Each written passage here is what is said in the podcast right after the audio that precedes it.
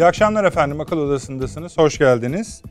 Bu akşam Libya ile açılacağız efendim. Programımızı Libya ile açacağız. Çünkü neredeyse hani eğer hani 20 48 saatlik gelişmelere bakar, bakarsanız sanki böyle hani bir başa dönme gibi bir durum söz konusu. Garip garip rahatsız edici olaylar yaşanıyor. Bir suikast girişimi var. Ee, bunun üzerine Hafter grubunun Akile Salih'in yani üç parça gibi düşünelim. Bir ulusal birlik hükümeti var. Başında Dibeybe var. Hafter var. Doğu Libya'da tanıyoruz artık. Akile Salih var Tobruk'ta. Bunlar e, üçü arasında ikili gruplar olarak diğerlerine karşı bilhassa bir takım atılımlar yapıyorlar. Onları oyun dışına itmeye çalışıyorlar. Tabii bu Türkiye-Libya ilişkilerinin özelliği anımsadığında, bizim anımsandığında bizim de muhakkak bir pozisyon almamız gereken bir vaka ortaya çıkarıyor.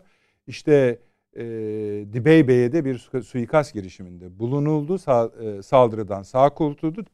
Bu elbette bu konularla ilişkili. Biraz bunun hani e, haber boyutundan muhakkak çıkarılıp detaylarına bakılması gerekiyor. Bir iyi okuma lazım buna. Hatta yanlış hatırlamıyorsam bizim meclisimizden de bir parlamenter heyetinin oraya ziyarete gideceği de söyleniyordu. Libya'nın her yerine bu adı geçen bölgelere de e, uğramak kaydıyla. Şimdi o da bir mesele. Fakat Libya meselesi bir anda bizim için çok önemli, kritik birinci sıraya yükselmiş durumda. İki, Ukrayna meselesi cepte. Her gün yeni yeni olaylar oluyor. Ee, bu olayların her biri de önemli ama asıl bugünün hani sürprizi nedir derseniz sürpriz demeyelim de hani en çok öne çıkan başlığı nedir derseniz İngiltere Dışişleri Bakanı ile Rusya Dışişleri Bakanı'nın görüşmesiydi. Biz hatırlayacaksınız salı günü biraz müstehsi ifadelerle Fransa Cumhurbaşkanı ile Putin'in görüşmesinden, gerçi bütün Türkiye değil bütün dünya bununla biraz eğlendi öyle söyleyelim. Masa metaforundan da hareketle. Ancak İngiltere-Rusya görüşmesi şöyle söyleyelim. Hani bu kadar sert Evet o kadar sert oldu. Herhalde diplomaside bir tek hani ağır ifade yani küfür olmazsa bu kadar olurdu diyebiliriz. Ee, ortak basın toplantısında İngiliz Dışişleri Bakanı ile Rusya Dışişleri Bakanı karşılıklı olarak kendi görüşlerinin en tepesini söylediler herkesin huzurunda. Sonra da birbirlerinin yüzlerine bakmadan ayrı ayrı yollara gidip ayrı ayrı yollara gitmiş oldular. Buna bir bakacağız çünkü bu ziyareti biz hatırlıyorsunuz diğer görüşmelerden daha önemli buluyorduk. Ee, buna bir bakacağız. Ukrayna alt başlığı içinde bir başka gelişme de ikili kümelerin hareketliliği var efendim. İngiltere, Almanya, Ukrayna bir ayrı bölüm tutmaya başladılar. Batı içinde Fransa, Almanya, Polonya ayrı bir bölüm tutmaya başladılar. Bunları kim destekliyor? Bunu Amerika mesela teşvik ediyor mu, etmiyor mu? Rusya için bir takım iyi polis, kötü polis oyunları mı var? Yoksa bunlar hakikaten Batı içindeki ayrı bloklar olarak birbirlerine karşı mı? Yani e, Amerika, İngiltere, Fransa, Almanya gibi mi diyeceğiz. Dediğim gibi bunlar Ukrayna e, krizinin alt başlıkları. Fakat şeyle Libya ile açılmadan önce biraz Kıbrıs konuşmak istiyoruz efendim. Ama bildiğimiz konular üzerinden değil. Yani Kıbrıs meselesi esasında Ankara'nın bakış açısıyla belli bir yere bağlanmış, konu kapanmış durumda. Gel gelelim e, Milli Mukavemet Teşkilatı üzerine biliyorsunuz bir gerilim yaşanıyor. Garip açıklamalar nedeniyle. Biz o tarafına bakmayacağız efendim. Bu sözü söyleyen hanımefendi de zaten sözünü geri aldı. Bir inceleme başlatıldığı söyleniyor. Tamam peki. Ancak galiba şöyle bir durum var. Ee, bu teşkilat nedir? Bunun öyküsü nasıldır? Ee, bunun bir galiba hatırlatılması gerekiyor. Biz e, Türkiye'nin, Kuzey Kıbrıs Türk Cumhuriyeti'nin tarihini ve bu tarihindeki önemli, değerli bakın, değerli e, hamleleri hızlı unutuyoruz galiba. Hani genç kuşaklara bir yere kadar e, anlayış gösterebiliriz. Gençlik odur zaten, eğitimde onun için var. Ama galiba bunları daha çok hatırlatmamız gerekiyor. Allah'tan bu akşam sevgili konuklarımız için de bu konuyu hakikaten vakıf olan e, bir Hazirum var. Değerlen bu konuyu bir hatırlatmak istiyoruz. Neydi, ne olduğu. Sayın Avni Özgürel burada Yeni Birlik Gazetesi yazarı. Hoş geldin Avni. Hoş bulduk. İyi Profesör yayınlar. Doktor Süleyman Seyfi Öğün Hocam, İstanbul Ticaret Üniversitesi öğretim üyesi Kıymet Hocam hoş geldiniz, şeref verdiniz. Profesör Doktor Çağrı Erhan Altınbaş Üniversitesi Rektörü. Hocam şeref verdiniz, hoş, Hoş bulduk, geldiniz. Avni abi siz de buyurunuz. Yani hani bunu daha kısa tutacağız ama bir Evet. bunu bir anlayalım. Şimdi şöyle yani Türkiye'de önce bir problem olarak geldi bu Kıbrıs meselesi. Kıbrıs ne olacak diye. Hatta bizim Türkiye'nin bir Kıbrıs problemi yok, meselesi yoktur diye Demokrat Parti döneminde öyle bir şey bile oluştu yani. Ama arkasından bunun Türkiye açısından bir hayati mesele olduğu kanaatine varıldı ve e, doğrudan doğruya Adnan Bey'in baş Adnan Menderes Bey'in işaretiyle bir e, çalışma geliştirildi. Tabii Türkiye bu tür organizasyonlarda nihayetinde bir NATO üyesi ve bütün ordusu NATO'ya tahsisli bir ordu.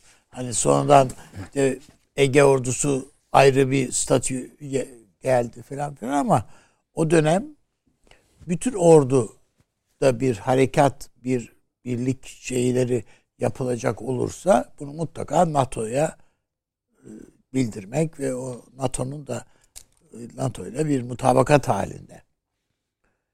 Zaten e, Menderes hükümetinin son dönem açısından baktığımızda iki konuda şeyi var. Birisi Ce- Cezayir olayı. Cezayir'e bir silah yardımı dolayısıyla. Öyle ki bu konuyu e, Salim Başoğlu Yassıada da söylettirmek istedi.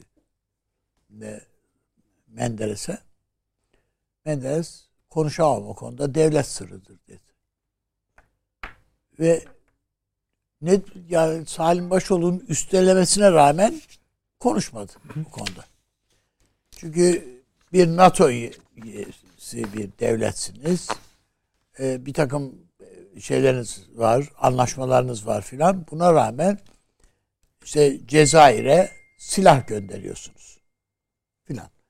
Yani bakıldığında e, ben e, bunu Türkiye'nin gayet e, tutarlı bir tavrı veya önemli bir tavrı olarak görüyorum. Ama Kıbrıs bir de bize. Bizim yani yavru vatan diyoruz işte. Bunun için Menderes'in emriyle ve o dönem e, Salih Omurtak mıydı? Genelkurmay Başkanı hangisiydi? Ve hatta Milli Savunma Bakanı Şemi Ergin mi yoksa Ethem Menderes mi? Tam iyi hatırlamıyorum. Yani hangisi denk geliyor? İkisinden biri zaten. Ee, bir özel birlik oluşturalım ama bu Türk Silahlı Kuvvetleri içinden olmasın diye bir gizli karar aldılar. Ankara yakınlarında Zir köyü diye bir köy. Orada e, bir gönüllülerden ya aslında bir kısmı asker işte asvay veya işte o filan öyle olan gençlerden mürekkep bir ordu, yarı ordu, bir gerilla savaşı verme, vermesi için şey yapacak, eğitilecek bir birlik oluşturuyor. İşte Türk Mukavemet Teşkilatı dediğimizin çekirdeği, nüvesi bu. Bu bir böyle bir birlik oluşacak. Bu bilahare Kıbrıslı gençlerle de takviye edilecek. Yani Kıbrıs'ın kendi gençleriyle de takviye edilecek. Bunların içerisinde Tarihi bir daha söyler misiniz? Evet. Ne, tarihi bir daha söyleyebilir misiniz? 1958 58. e, bu Zir köyü Ankara'ya işte yakın yani bir köy. Bundan dolayı da Menderes Yassıada'da yargılandı. Daha doğrusu öncesinde Cumhuriyet Halk Partisi'nin o zaman bir bir saptırması var. Menderes kendisine ordu kuruyor diye bir dedikodu çıkardılar. İşte gizli bir takım askerler var. Bunlar ne yapmak için böyle silahlandırılıyorlar? Yani işte esasında bütün bunların demokrat şeye men, e, Cumhuriyet Halk Partisi'ne karşı bir şey tehdit hareketi falan olsun diye hazırlandığını falan söylemek istiyorlardı. E, sonuçta bu e, gençlerden yani oradaki mukavemet teşkilatının komutanlarından bir tanesi rahmetli Türkeş Bey'in damadı.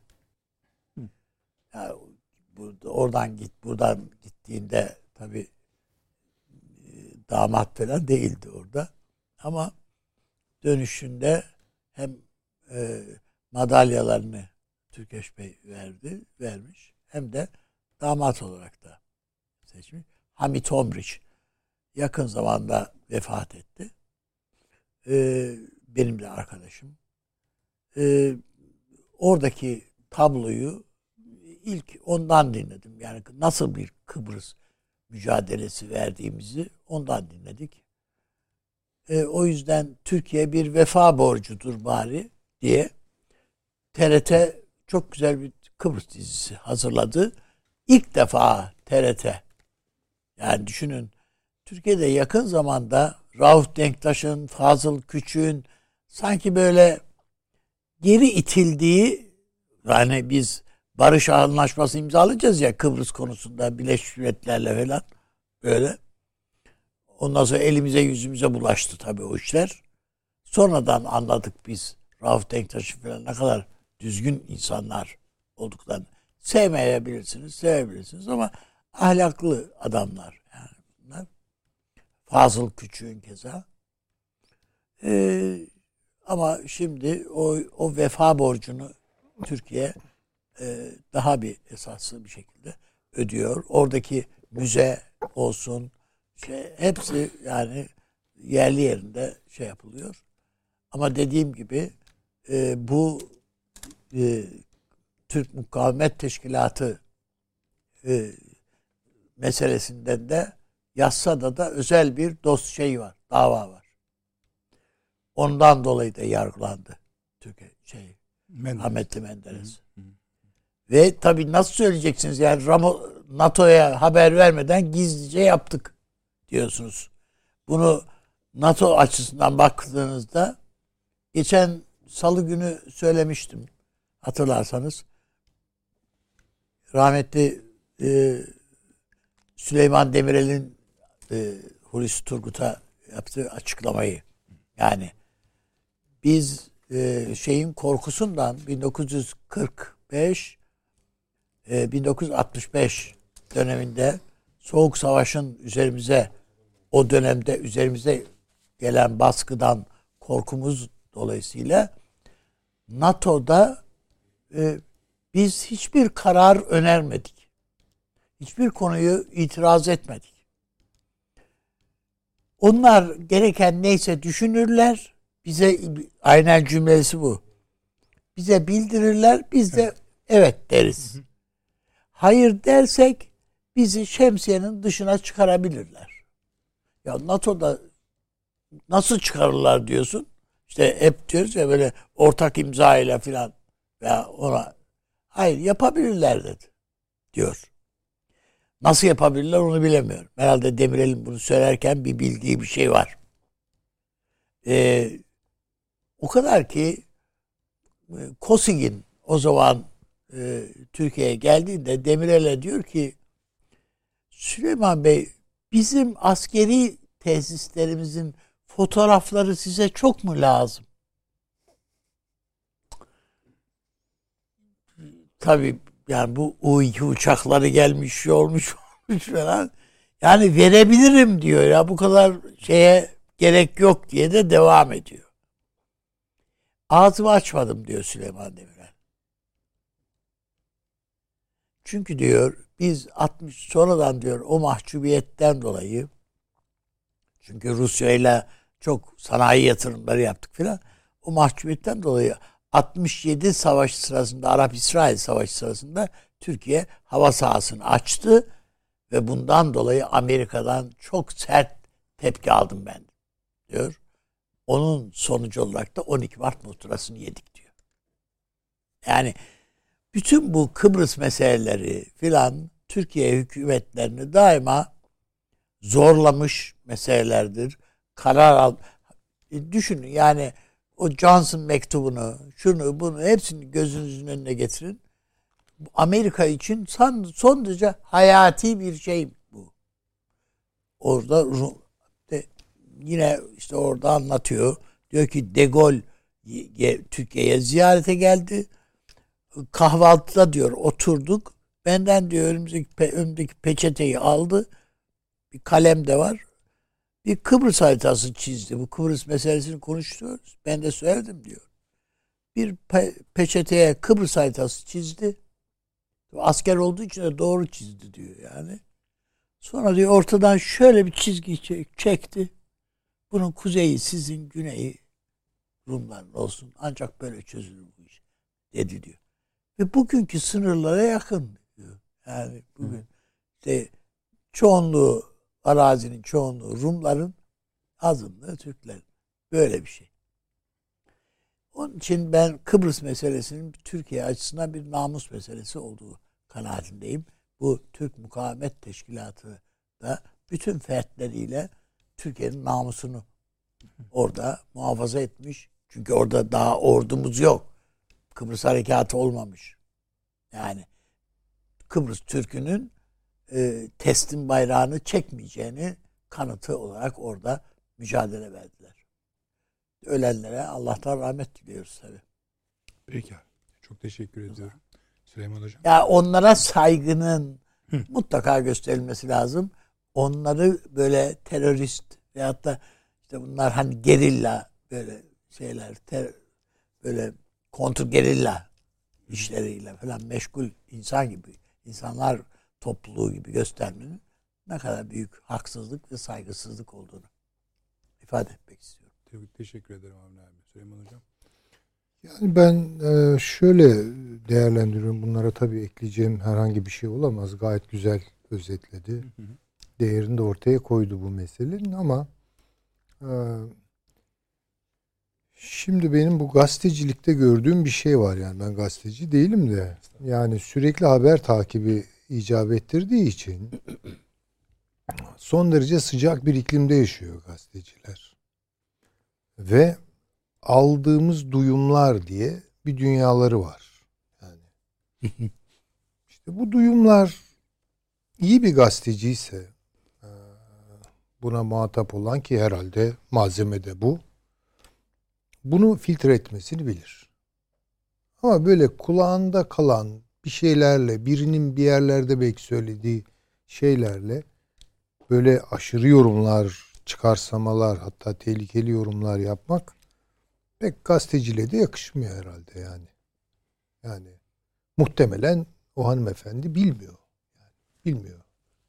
Bugün açıklamasında da bunu söylüyor zaten. Abi, ama yani şimdi bu da Hani'nin gazetecisi değil evet. mi yani bu olmaması lazım. Dikkat bilmeyebilir insan ama yani bir duyum aldıysan onun sağlamasını yapmak da gene senin görevindir bir gazeteci olarak. Bunlardan uzak durmak lazım. Yani her cenahta oluyor ama bu. Yani onu dikkat etmesi lazım gazetecilerin. Onu söyleyebilirim. Kıbrıs'la ilgili de hadi biz Türkiye'den öyle görüyoruz ama yani dünyanın herhangi bir yerinden biri baksa Kıbrıs'a ve o coğrafyanın Akdeniz coğrafyası olduğunu bilse Akdeniz'in özellikle Doğu Akdeniz'in kalbinin attığı yer. Yani ben daha ileri bir şey söyleyeyim. Ee, Kıbrıs'a hakim olamayan kolay kolay da Doğu Akdeniz'e hakim olamıyor. Bu sadece tarihsel olarak böyle değil, aynı zamanda aktüel olarak da böyle. Fark etmiyor. Hakikaten çok dünya cenneti bir e, ada ayrı onları konuşmaya bile gerek yok. Fakat aynı zamanda çok stratejik bir değeri var. Ve biz Türklerin orada varlık göstermesi ve artık geri döndürülemeyecek bir şekilde varlık göstermiş olması Kuzey Kıbrıs Türk Cumhuriyeti ile Türkiye Cumhuriyeti arasındaki o yakın bağlar e, bence e, Türkiye'nin de geleceğini Doğu Akdeniz'deki geleceğini de çok kuvvetlendiren bir şey. Bakınız elin İngiliz'i Malta'da. Yani elin İngiliz'i bir zamanlar Kıbrıs'taydı da. Ve Kıbrıs'ı e, terk ederken Şimdi de Kıbrıs'ta hocam. yani tabii daha sınırlı yani daha önce. Fakat Kıbrıs'tan ayrılırken her yerde yaptığı gibi orayı da bozarak gidiyor. Yani sorunlu kılarak gidiyor. Ama bu sorun evet bizim sorunumuz ve önce hatta yani benim bildiğim kadarıyla Fuat Köprülü falan Tabii Ya zaten yoktur Fuat dedi. Köprü söylüyor zaten böyle bir böyle Ha, bir ben sorun. söylemek istedim. Yani çok Tabii, saygımdan doğru, hocamıza doğru. hocaya da Ama bu Yani e, bizim böyle bir derdimiz yoktur diyor. Tabii yani Kıbrıs elden çıkmış. Artık bunu kabul ediyoruz. Bu çok kötü bir şey. Fakat İngiltere oradan ayrılırken işte bir Kıbrıs meselesi yaratarak ayrıldı. Ama bu Kıbrıs meselesinden de yeniden dönüp durumunu düzelten Türkiye oldu. Onun için bu böyle bozuk para gibi harcanacak bir şey de değil. Tamam. Yani her sorun risk doğurur ama aynı zamanda bir fırsat doğurur. Türkiye de bu fırsatı gayet iyi değerlendirdi. Yani neticede. Ege sorunu da çıktı tabii. 6-7 Eylül olayları da yaşandı falan. Bunlara baktığımız zaman yani hakikaten e, yani işte artık söylemek e, iktiza ediyor herhalde. İngiltere çekilirken bunları becerdi. Yani ondan evvel çünkü Venizelos, Atatürk dostluğu vesaire yani bizim e, kuruluş dönemimizde daha Türkiye Cumhuriyeti'ni bir Türk-Yunan yakınlaşması vardı. Savaşa rağmen bunu kotarmışlardı. Bozdular. E peki bozdular. Buna bir fırsat olarak bakan kimdi? Yunanlı dar görüşlü politikacılar, panhelenistler macera aldılar. Peki bedelini ödüyorlar. Yani onun için hak- hakikaten akıtılan kanın da orada gerçekten bir değeri var. Çok önemli bir katkısı var. Bunu unutmamak lazım, unutturmamak lazım. Kıbrıs çok güzel bir yer. Ee, tatil içinde hoş olabilir ama işte hani şairin dediği gibi hep bu topraklarda biraz ayağımızın bastığı yere dikkat etmemiz gerekiyor. Yani onları unutarak tatil yapmamak lazım. Yani. Değil mi? Orada bir şehitlik var. Evet. Hatırlamak lazım. Gayet. filan. Ee, onun için e, bu artık talihsiz bir şey oldu herhalde bu son yaşanan olay ama bize de en azından bir faydası bu meselenin önemini yani Kıbrıs meselesinin önemini bize e, bir anlamda yeniden hatırlama fırsatı verdi. Peki hocam. Teşekkür ederim. Bey, Siz bir şey mi ekleyici Yok hayır. Yani Tamam. de- tefe- yani bu kadar Sen kafi. köprüyle Ee, ilgili Ben rahmetli köprünün yani a- ismini vermek istemedim yani hocanın. Hı hı. Yani bir bizim ö- şeyimiz yani övündüğümüz bir tarih hocamız onun ağzından Türkiye'de Kıbrıs meselesini al- kaldır kenara at. Yani çok Ama ve o bir- Demokrat Parti'yi de etkileyen bir şey. Doğru ama yani o e, büyük tarihçimizin e, şeyi değil, yani gafı değil, gaf değil o. Çünkü yani sürece bakıyorsunuz Türkiye Cumhuriyeti kuruluyor, Türk-Yunan dostluğu başlıyor değil mi? Yani o onun içinde düşünüyor her şeyi. O ara İngilizler bambaşka bir şey yapıyorlar tabii ki. Yani onun henüz farkına varma meselesi. Ama Yani işte o- e, tarihçilikte bu biraz da böyle hani onu E işte artık. hani onu şey yapıyor. Peki. Peki teşekkür ederim. Ya başka lalet daim bir siyasetçi olsa zaten hiç o kadar şey yapmayabilirsiniz yani. Öyle, Peki. Şimdi Çağrı Hocam e, Türk Mukavemet Teşkilatı üzerine münhasıran çalışmış bir e, hocamız. Şöyle yapalım izin verirseniz. Bir kısa reklamımız var. Zaten arkadaşlar sonra reklamımız var mı? Da- rahatız değil mi? Tamam harika. Ondan sonra dönelim Çağrı Hocam. Hemen geliyoruz efendim.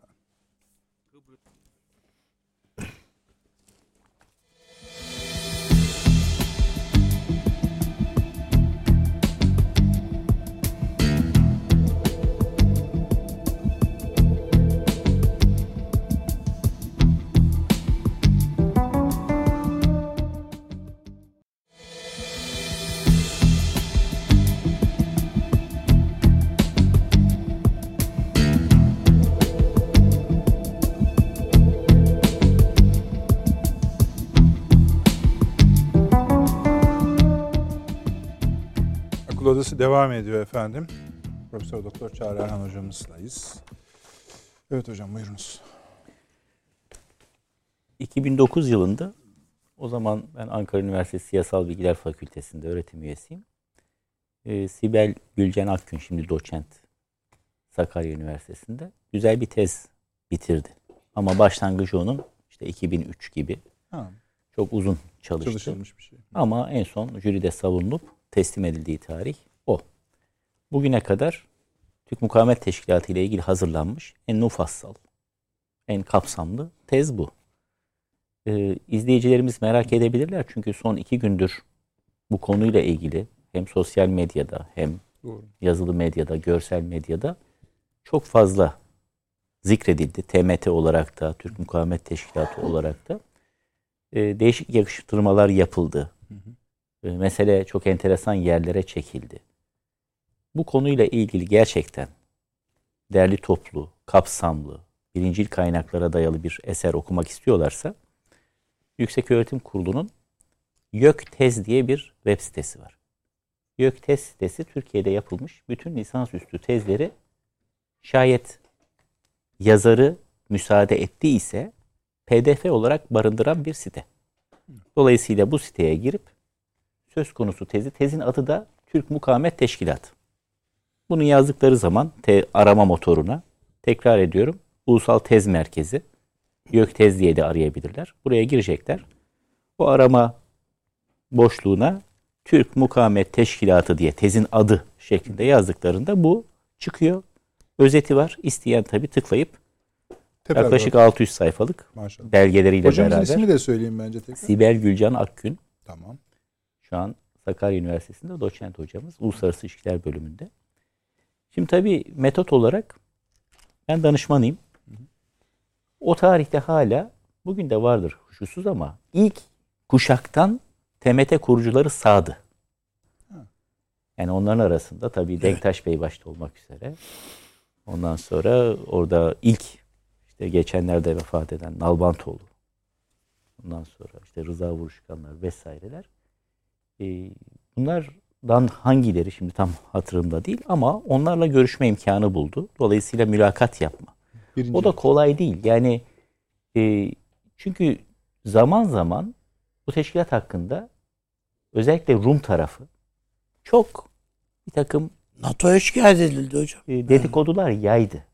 Öyle olduğu için de işte bir doktora talebesi geliyor size. Ben buyum, tez yapıyorum. Çok kolay kolay da güvenip mülakat vermiyorsunuz. Ama zaman içerisinde defalarca gittikten sonra orada böyle bir güven de e, ihdas ederek bu insanlarla oturup konuşma imkanı buldu. Onlar şahsi arşivlerini açtılar ona. Yani Kuzey Kıbrıs Türk Cumhuriyeti Milli Arşivinde çalıştı ama orada olmayan ama onların şahsi arşivlerinde olan o ilk dönem işte 1957'dir asıl kuruluş. İlk dönem yayınladıkları bir takım bildiriler tekstilde çoğaltıp yayınlamışlar. Ya da elle yazıp Lefkoşa Türk Lisesi'nin duvarına yapıştırmışlar falan. Ee, bunlara ulaştı. Tabii birincil kaynaklar, ikincil kaynaklar vesaire ve güzel bir eser ortaya çıktı.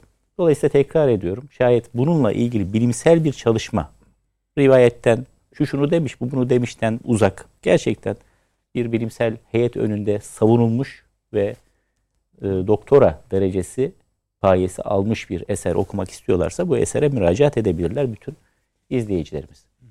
1957'de Kıbrıs'taki Türk Büyükelçiliğinde görevli Tanrı Sevdi'nin, Mustafa Kemal Tanrı Sevdi'nin Lefkoşe'nin böyle varoşlarında bir evi var. Orada Mustafa Kemal Tanrı Sevdi, Rauf Denktaş, Burhanettin Nalbantoğlu bunlar bir araya geliyorlar ve bu teşkilatı kuruyorlar. Neden kuruyorlar? Yani burada Türkiye'nin eliyle kurulmuş bir teşkilat değil aslında bu.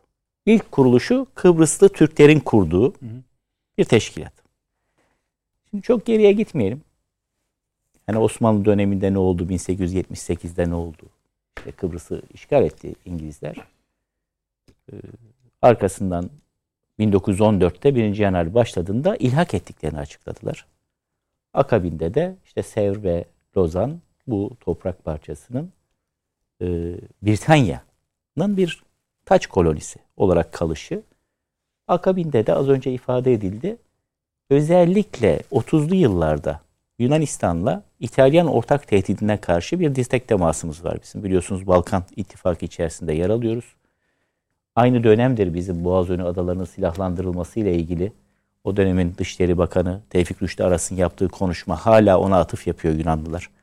Yani nasıl olsa diyor beraber savunacağız İtalyanlara karşı. Silahlandırabilirler Montre olduktan sonra bunlar da bunu yapabilir gibi. O dönem 1950'lerin aslında ortasına kadar, ortalarına kadar Yunanistan'la bir sıkıntımız yok. Çünkü İkinci Dünya Harbi sırasında da Nazilere karşı biz doğrudan savaşta yer almamakla beraber insani yardımlar yapmışız Yunanlılara. Onlar sıkıştıkça bizim kıyılara gelmişler. Biz buradan insani yardım yapmışız. Akabinde Yunan İç Savaşı esnasında ABD Türkiye ile Yunanistan'ı aynı kefeye koymuş. Turum'un doktriniyle 12 Mart 1947 ikimize birden yardım yapmış. 52'de ikisini birden aynı anda NATO'ya almış. İşte gelecek hafta Perşembe günü 70. yıl dönümü. Sadece Türkiye'nin değil Yunanistan'ın da girişinin 70. yıl dönümü. Ve bütün NATO stratejilerinde o tarihlerde Yunanistan'la Türkiye'ye müşterek bir görev veriliyor. Sovyet saldırısını göğüsleme görevi. Ve aslına bakarsanız resmi ziyaretler, üst düzey ziyaretler, Celal Beyar'ın Batı Trakya ziyareti, adına lise açılması vesaire her şey normal gidiyor Yunanistan'la. Fakat Yunanistan e, Kıbrıs'ta tıpkı 1947'de Filistin'de olana benzer bir şekilde İngilizlerin bu müstemlekeden çekilmesini sağlamak üzere Rumlar örgütleniyorlar. Ve aslında 50'lerin ikinci yarısında bunları biraz daha geriye götürebiliriz aslında 30'larda başlıyor ilk böyle şeyler e, sömürge karşıtı ayaklanmalar ama asıl itibariyle 50'lerin ilk yarısında e, bu toplumsal olayları bastırmak adına Rumlar daha çok örgütleniyorlar bu arada. İşte EOK örgütünü İngiltere'ye karşı kuruyorlar evvela. Ne yapacaklar? Burayı bağımsız yapıp Yunanistan'a bağlayacaklar. İşte Enosis planı da daha sonra geliştiriyor. Buna karşılık çok sayıda Türk'ü polis olarak alıyor İngilizler. Ve bunlar da İngiliz üniforması giymiş Türklere karşı yani İngiliz polisini öldürüyor ama ölen Türk. Bombalı eylemler, suikastler falan derken çok sayıda Türk hayatını kaybediyor. O tarihlerde yazılan arşivlerde rastladığımız mektuplar var Türkiye'ye. Ya böyle böyle oluyor. Gelin kurtarın, yardım edin vesaire. Çok sizin de ifade ettiğiniz gibi Türkiye o topa girmiyor. Yani Kıbrıs meselesine en azından resmi düzeyde bir karşılık vermiyor Türkiye. Çünkü Yunanistan'da sıkıntı yok.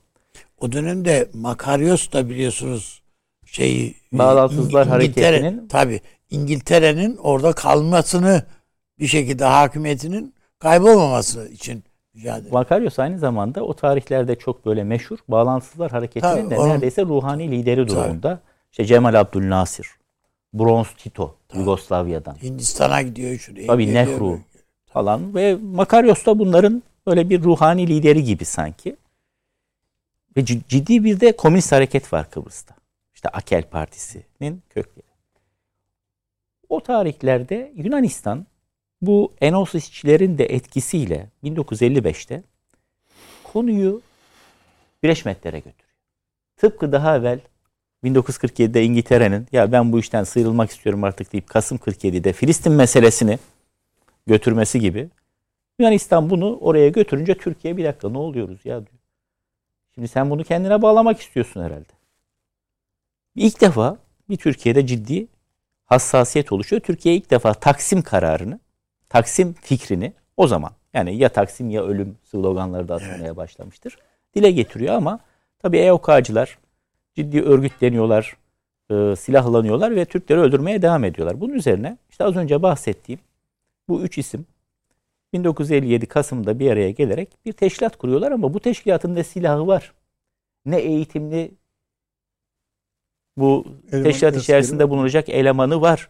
Ne yapacaklarını bilmiyorlar. Yönlendirecek kimse yok. Üstelik de asker değil yani. Değil avukat. Evet, e, biri evet, doktor, evet. öbürü avukat. avukat. Yani Rauf Bey'le öbürü diplomat. Zaten Kıbrıs Türk e, elçiliğinde görevli. Ne yapalım, ne edelim derken 1958 Ocağı'nda Denktaş Bey'le rahmetli Küçük Ankara'ya geliyor. Ve o tarihte köprülüyle daha doğrusu zorlu o sırada Dışişleri Bakanı olmuş. Onunla görüşüyorlar. Daha doğrusu Dışişleri Bakanı da değil. Tam hafızam beni yanıltmasın ama hani bizde de bir ara vardı ya Devlet Bakanı. Kıbrıs'tan sorumlu Devlet Bakanı. Hı. O tarihte. Hala e, böyle bir şey kurulmamış. Onunla görüşüyorlar. O da meseleyi hem rahmetli başbakanı açıyor hem de onun üzerinden genelkurmaya gidiyor. Şimdi burası önemli. Çünkü orada ayrı bir sayfa açmamız lazım. Az önce Avni abi çok güzel özetledi. NATO ilk kurulduğunda NATO'nun stratejisi sınırlı savaş. Yani bir Sovyet taarruzu olursa bu Sovyet taarruzunu Almanya üzerinde tutma ve Amerika'nın üstün gücüyle Sovyetleri yenme. Ne zaman ki 1949 sonunda Sovyetler Birliği'nin atom bombasına sahip olduğu ortaya çıkıyor. NATO bu stratejiyi değiştiriyor. Ve çok ilginçtir. Türkiye'nin girmesinden hemen sonra 1954'te artık kitlevi mukabele dedikleri bir stratejiye geçiyorlar. Topyekün karşılık stratejisi. Onun da dayandığı şey Eisenhower'ın Yeni Bakış adıyla yayınlamış olduğu ulusal güvenlik belgesi. Dört tane bacağı var. Çok önemli. Bir, kitlesel mukabele. Yani diyor ki Sovyetler ister konvansiyonel saldırsın, ister nükleer saldırsın ben nükleer karşılık vereceğim. Tankla da gelse atom bombası atacağım diyor. İki, konteyn yani çevreleme. Sovyetleri çevrelemeye devam edeceğim. O yüzden 1955'te Batı Almanya'yı NATO'ya aldılar. O zamana kadar şeydi, ordusu falan yok Batı Almanya. Hala teslim olmuş bir ülke. Üç, gizli operasyonlar. Mi yani? İşte 53'te başlamış zaten Musaddık'ı devirmişler. Guatemala'da darbe yaptırmış ve böyle devam edecek. CIA ve CIA ile irtibatlı diğer teşkilatlar tabii ki. Dördüncüsü psikolojik harekat. Psikolojik harekat başlığıyla işte Voice of America'nın yayınları, Amerika'nın Sesi radyosunun yayınları, halkın maneviyatını yani düşmanın maneviyatını çökertecek ama dostun da maneviyatını kuvvetlendirecek bir takım konulara. Bu ciddi bir iştir. Yani bu böyle lalet tayin yapılacak bir borazanlık değil yani propaganda işi. Bunu da zaten Amerika'da ilk kuranlar Naziler. Tabii. Yani Amerika. Almanya'yı işgal ettiğinde orada ne kadar e, bu işleri yapmış adam varsa almış götürmüş. OSS. CIA, CIA'yı de onlara kurdu. Tabii. Roket programlarını da onlara yaptırmış. Tabii, yani işe yarar adamları Sovyetler de alıp götürmüşler. Bunları da götürmüş. Bütün NATO ülkelerinde bu stratejiye uygun bir takım birimler kuruluyor. Bizdekinin adı Özel Harp Dairesi. Genelkurmay Başkanlığı Evet. içerisinde Özel Harp Dairesi adıyla ileriki yıllarda Toplumla İlişkiler Başkanlığı'na dönüşecek olan bugün Allah'a şükür böyle bir şey yok. Bir birim. Allah'a şükür böyle bir şey yok derken ne şekilde 90'lı yıllarda kullanıldığını bildiğimiz Evet, için. evet. Özel Harekat Dairesi ile irtibatlı ama tamamen Özel Harp Dairesi'nden bağımsız. Şimdi bu nasıl olur bilmiyorum. Olacağı şeklinde bu Türk Mukavemet Teşkilatı bir karar alıyor Genelkurmay Başkanı. Bunu yaparız ama bu şekilde yaparız. Denktaş Bey'le Ahmetli Küçük de tamam diyorlar Evet. buna. Ve bu çerçevede Rıza Vuruşkan, TMT'nin ilk askeri kanat komutanı Komutanı. olarak ama bunların hiçbirinin böyle TSK ile bir ilgisi yok. Yani bütün o rütbelerinden arınmışlar filan. Gönüllü olarak ilk gidiyor ve 1958 sizin bahsettiğiniz aslında onun 1958'de gidip adaya ilk ayağını basıp bu örgütü İşte yeniden ondan önce bu köydeki tabii ondan önce orası. 57. Evet. 58'de ilk defa işin içerisinde tabii e, rahmetli Denktaş var, Burhan Nalbantoğlu var. Ondan sonra tabii Rıza Vuruşkan. İşte onun genelkurmaydaki katılan tabii. ayağında Türkeş Bey var. Şimdi bunlar faaliyetlere başlıyor ama silah yok. Eğitim yok yine. Az önce yine bahsettiği şekilde Avni abinin bunlar hem Zir Vadisi'nde o yeni kentte şimdi Ankara'nın biraz dışında hem Antalya'da eğitim görüyorlar. Yani bütün Orta Doğu'daki örgütler nasıl eğitim görüyorsa aynı eğitimler görüyorlar. Tabii. Bunlar çünkü askeri eğitim almış kişiler değil. Yani sivil hayatta avukatı var, eczacısı var, gazetecisi var, öğretmeni var. Yani İler, içlerinde hanımefendiler var. Ve derme çatma bir takım silahlarla. Hatta Denktaş silah kaçırırken yakalanmıştır İngilizler. Kıbrıs adasına silah sokarken yakalanıyor. Sonra işte araya birileri giriyor falan ancak serbest. Türk Büyükelçiliği sayesinde serbest bırakılıyor. Tabi bunların bir de bu teşkilat içerisinde kullandığı isimler var. Yani nasıl mesela Yaser Arafat diye kimse bilmez. El Fethi içerisinde, FKÖ evet. içerisinde. Değil mi? Yaser Arafat'ın Ebu bir şey miydi? Ammar. Ebu Ammar. Değil mi? Ebu Ammar'dır yani. Hı. İşte öbürü bilmem Ebu Cihat'tır. Yani Tabii böyle isimler zaten. vardır. O da mesela Rauf Denktaş'ınki Toros. Hmm. Doktor Küçük'ü de Ağrı. Bunlar tabii biri ilk Cumhurbaşkanı. O ilk Birleşik Devlet'te Kıbrıs Cumhuriyeti 1960'ta kurulduğunda Türk tarafının Cumhurbaşkanı Doktor Küçük. Hatta Denktaş Bey böyle bir söyleşisini de anlatmış TMT'den bahsederken. Demiş ki ya ben takılırdım ona. İşte ağrı falan filan deyince e demiş ben senden üstteyim. Sen Toros'san benim ağır olmam lazım gibi. Yani o gergin ortamda bile böyle birbirlerine latife yapabiliyorlarmış. Tabii TMT çok önemli bir işlev gördü. Gerek 1960 sürecinde ama esas itibariyle 63'ten sonra yani Kanlı Noel dediğimiz hadisede biliyorsunuz ıı, Rumlar bu planlarını devreye sokarak EOK örgütü Kıbrıs Cumhuriyeti'ni lağvettirdiler. Türk milletvekillerini meclisten çıkarttılar ve katliamlara başladılar.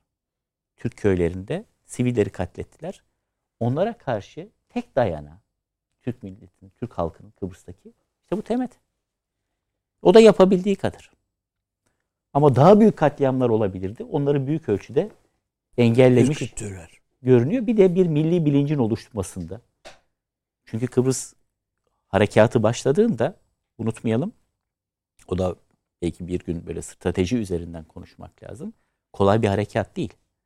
Yani siz çok dar bir alana çok bir zor. çıkartma yapıyorsunuz ve çıktığınız o çıkartma plajı olarak isimlendirilen bölgenin hemen karşı Toros Dağları yani şeydeki beş parmak dağları, dağları. Beş, beş parmak evet. dağları ve onun arkasına da paraşütçü birlikleri atıyorsunuz.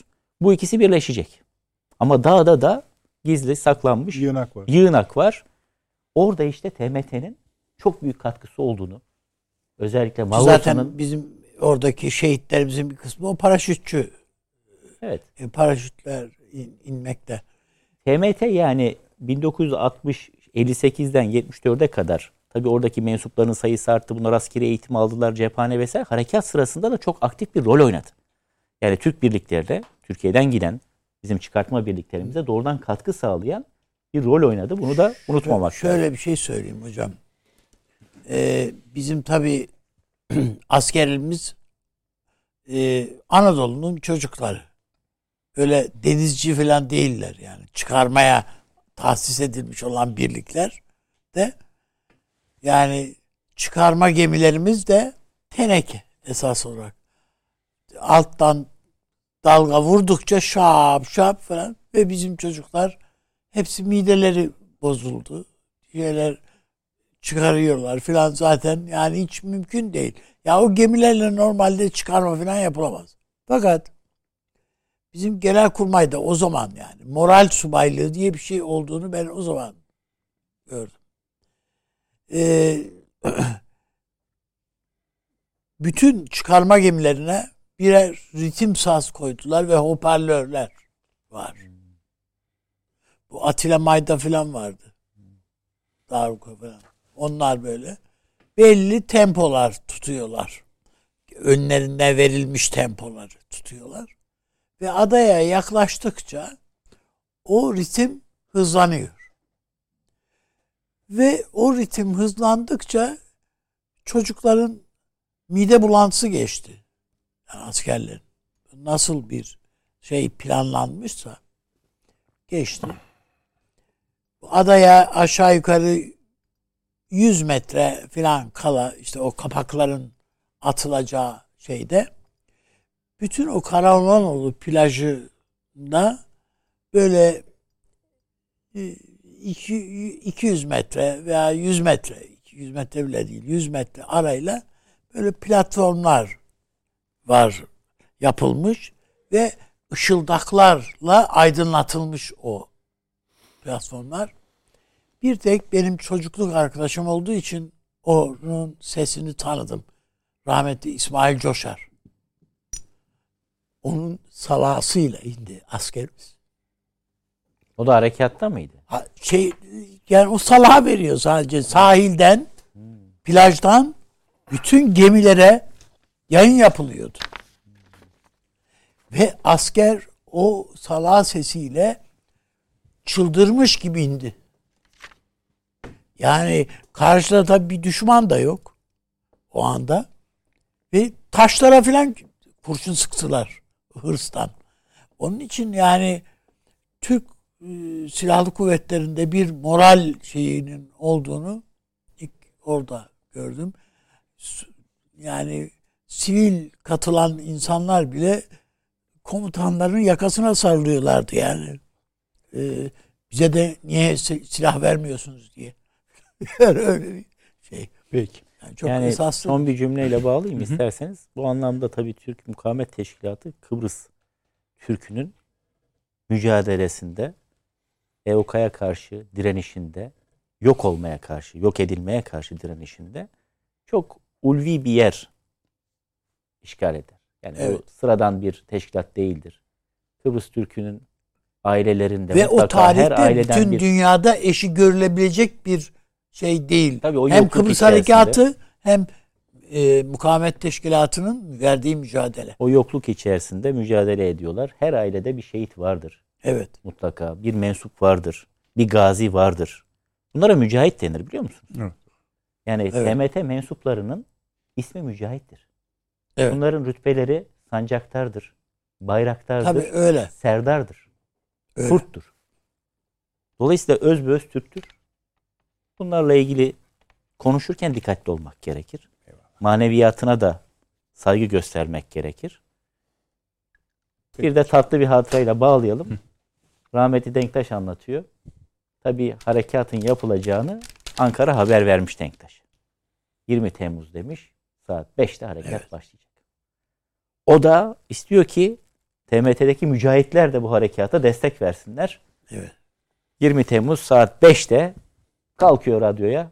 Diyor ki bu duyduğunuz top sesleri diyor. Kendi anlatıyor bunu. Radyodan. Türk askerinin top sesleridir diyor. En sonunda diyor geldiler diyor. Gazanız mübarek olsun. Ya diyor top sesi falan yok. Allah Allah. Ya meğer bunlar Kıbrıs İngiliz saatine göre olduğu için arada bir saat fark varmış.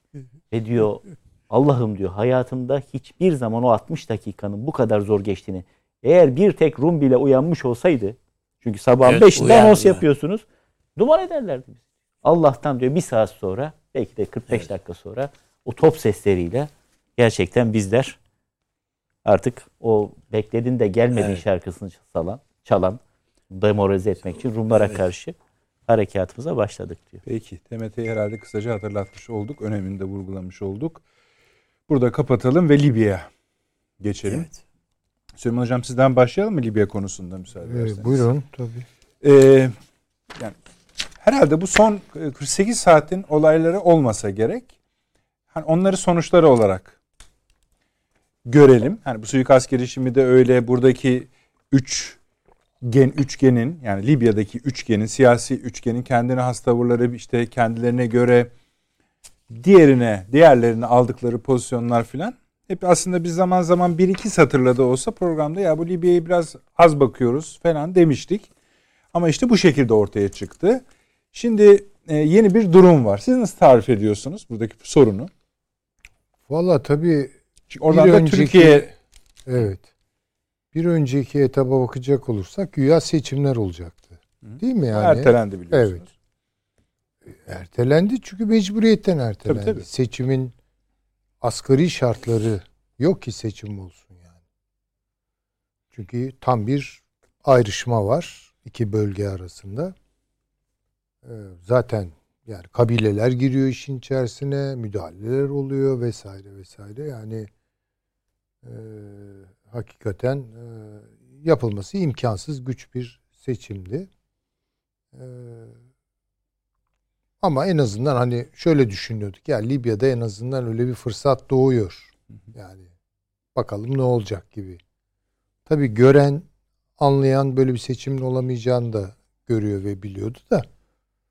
Yani genel algı etrafında konuşursak öyle diyebiliriz. E şimdi gelinen aşamada ne oldu? Gelinen aşamada sadece bir ayrışma değil, vuruşmayı tetikleyecek bir şey oldu. Çünkü Doğu kanadı, Tobruk merkezi, Batı kanadının meşruiyetini sorgulamaya başladı. Evet. Yani siz seçim işini yapamadınız, yüzünüze gözünüze bulaştırdınız. Sanki yani tek e, bu konudaki e, mesul olan Dibeybe hükümeti gibi. E, dolayısıyla sizin meşruluğunuz sona erdi diyorlar. Dolayısıyla parlamento da burada. Biçimsel şartı yerine getirmek babından bu parlamento içinden biz bir hükümet çıkaracağız. Yani dolayısıyla size bir gerek kalmadı. Yani açıklama bu yönde. Evet. Ve bu yolda da adım atıldı. Ee, Mistirata'da biliyorsunuz çok Türk kökenli insanlar yaşıyor. Ve yanılmıyorsam bu Başak'da Mistratalı değil mi yani? Türk kökenli. Ama tuhaf bir yerde. Yani Türkiye ile bu anlaşmayı yapan değil mi bir adam? Buna imza atan. Ama gidiyor başkalarıyla da. Ee, işte yani hakikaten e, kiminle iş tutacağınıza karar verirken bu Orta Doğu'da kaç değişkeni bir arada Değerlendirmeniz değerlendirmeniz gerekiyor onu bilemiyorum. Doğru adresi bulmak için. Yani demek ki Fethi Başağı için e, o değişkenlerden bir kısmı e, çalıştı. Biz de farkında değildik. Çünkü ona çok emin bakılıyordu değil mi bir dönem yani bu adam bizdendir, Türktür. Dolayısıyla hani. E, adam başbakan oluyor öteki tarafta. Tabii bu çok çürük bir şey. Yani hemen e, batıdan açıklamalar geldi. E, yani sadece resmi düzeyde değil benim bilebildiğim kadar kabileler işte oradaki bunun tırnak içinde toplumsal ayağı diyelim. Bunu tanımayacaklarını söylediler. Peki şimdi bunu nereye oturtacağız? Bunu oturtacağımız yer artık çünkü bir bölünme var ama işte işte bir umut var acaba hani bu giderilebilir mi? Anayasa, seçimler şu bu. Ama şimdi gelinen aşamada bir taraf diğerini artık e, görüşmeye değecek bir özne olarak kabul etmiyor demek yani. Meşruiyetini sorguluyor çünkü. Ve tanımıyor. Şimdi buradan nereye gidilir? Buradan benim gördüğüm kadarıyla yani çok gene Karamsarlar Kulübü'nü temsilen Hayır, konuşuyor bir gibi. değiş, şimdi değişen bir tablo var ortada. Ona diyecek bir şey yok Ama zaten. Yani, Yani, tetiğe götürecek. yani ama. Tobruk'ta Tobruk tarafında Akile Salih, Hafter vesaire bu başbakanlığı destekliyorlar. Öyle görünüyor. Tabii ki tabii. Tabii. E, kime karşı destekliyorlar? Ulusal Birliği hüküm- hükümetine Tamam. karşı. Yani DBB'ye karşı. Evet. Üzerine suikast oluyor DBB'ye vesaire. Tabii yani. o bir şey değişiyor. İşte eller Avrupa, tetiğe Bir- gidebilir. Birliği, em, bağışlayın. Arap Birliği'nin de bugün açıklaması vardı. Çok kaygılıyız Libya'dan diye. Tabii. Hı hı. Yani do- dolayısıyla e, eski şartlara bir dönüş var. O da savaşın kokularını getiriyor. Savaşın bulutlarını taşıyor. Ya bir de benim e, son yani e, aldığım haber daha doğrusu haberleri takip ederken gözüme çarpan askeri hareketlilik arttı orada. Ya bu, bu şu demek yani orası her an yeniden bir Alev alır diyorsun. alev alabilir. Yani tabii kesin konuşamayız ama şartlar buna müsait.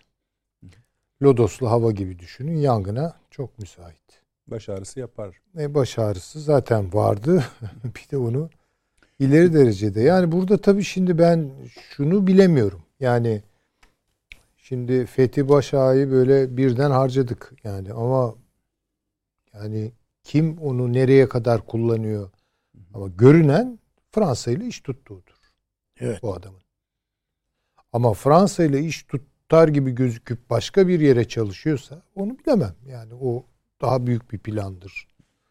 Ee, ama görünüşe e, bakılacak olursa bunun adı... Ama hala Ankara ile bir şeyi var. Ankara'dan bir ümidi var. E, Ankara'nın da zaten e, doğuya dönük e, girişimleri vardı. Yani Trabzon, yani değil mi? benim bildiğim elçimiz gidiyordu. Şey e, elçilik Bu adamlar buraya şey, geliyordu. Konsolosluk açılması falan konuşuluyordu. Şimdi ben tabi bunu anlamakta zorlanıyorum. Yani bu kadar gergin bir atmosfer varsa sahada e, diplomatik olarak yapılan şeylerin karşılığının olmadığı gibi bir izlenim ediniyorum o zaman. Yani e, çünkü hani şu olsa bu geliş gidişler onlar Ankara'ya geliyorlar işte diyelim ki Akila Salih bilmem ekibin iki yardımcısı şu bu. Bunlar hafif adamlar değil tabii önemli adamlar. Görüşmeler oluyor değil mi yani? Şimdi bir sonraki adım buna e, dö- şey olarak e, e, dönük olarak düşünecek olursak bir yatışma biraz daha bir yatışma Evet. biraz daha görüşme e, zemin oluşturma filan tam tersi ipler geriliyor. Yani böyle bir e, tablo var. E, yani Libya'yı bölecekler mi? Ona mı karar verdiler? Onu bilmiyorum. Siz şu anda söyleyeyim. bir oyuncu görüyorsunuz. Fransa'yı söylediniz. Mesela Amerika'nın Fransa tuttuğu var.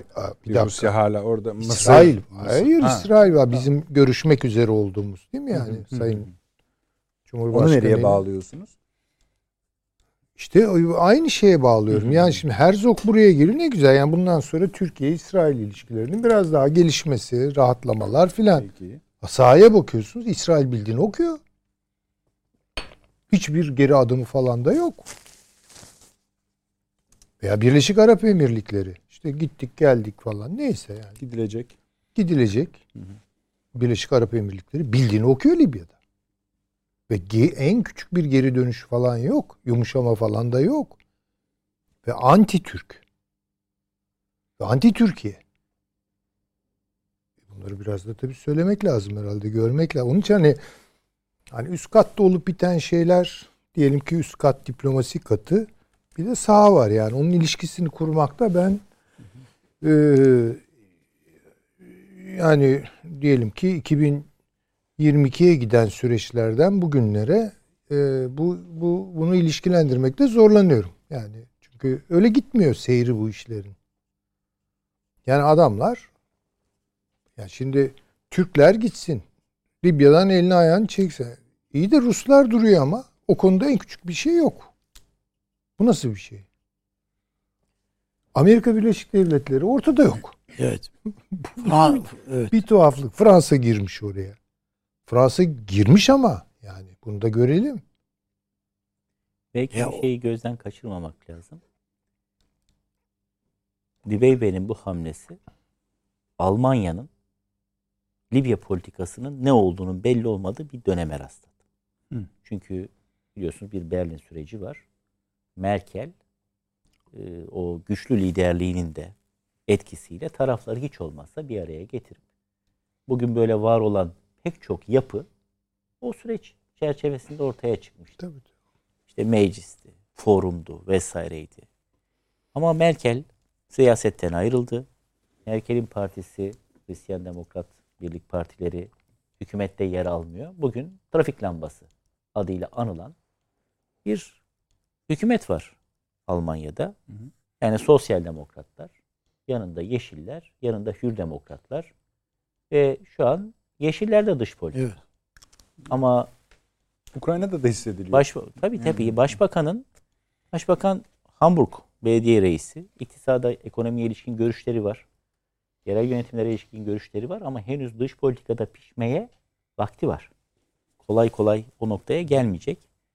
Böyle olduğu için de e, ciddi bir Açıklamalarında hala Merkel'i referans gösteriyor. O da böyle yaptıydı ya aslına bakarsanız e, tabii Olaf Scholz'un seçilmesinin bence en önemli sebeplerinden biri bütün bu adaylar içerisinde Merkel'i en iyi bu takip eder diye Evet. Alman halkı ona oy verdi.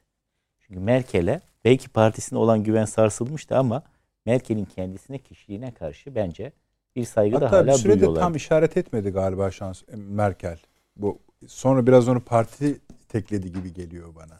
Ve netice itibariyle biraz bunu da gözden kaçırmayalım. Almanya'nın da buradaki etkisi azalınca başka aktörler ama yani Fransa burada tabii. Amerika'nın da bir Libya politikası yok. Rusya'nın da istediği belli. Rusya ikinci bir Suriye istiyor Libya'da. Tabii. Yani bir Evet. Laskiye gibi, bir Tartus gibi Tabii. bir limanda Liman bana burada var. olsun Evet. istiyor.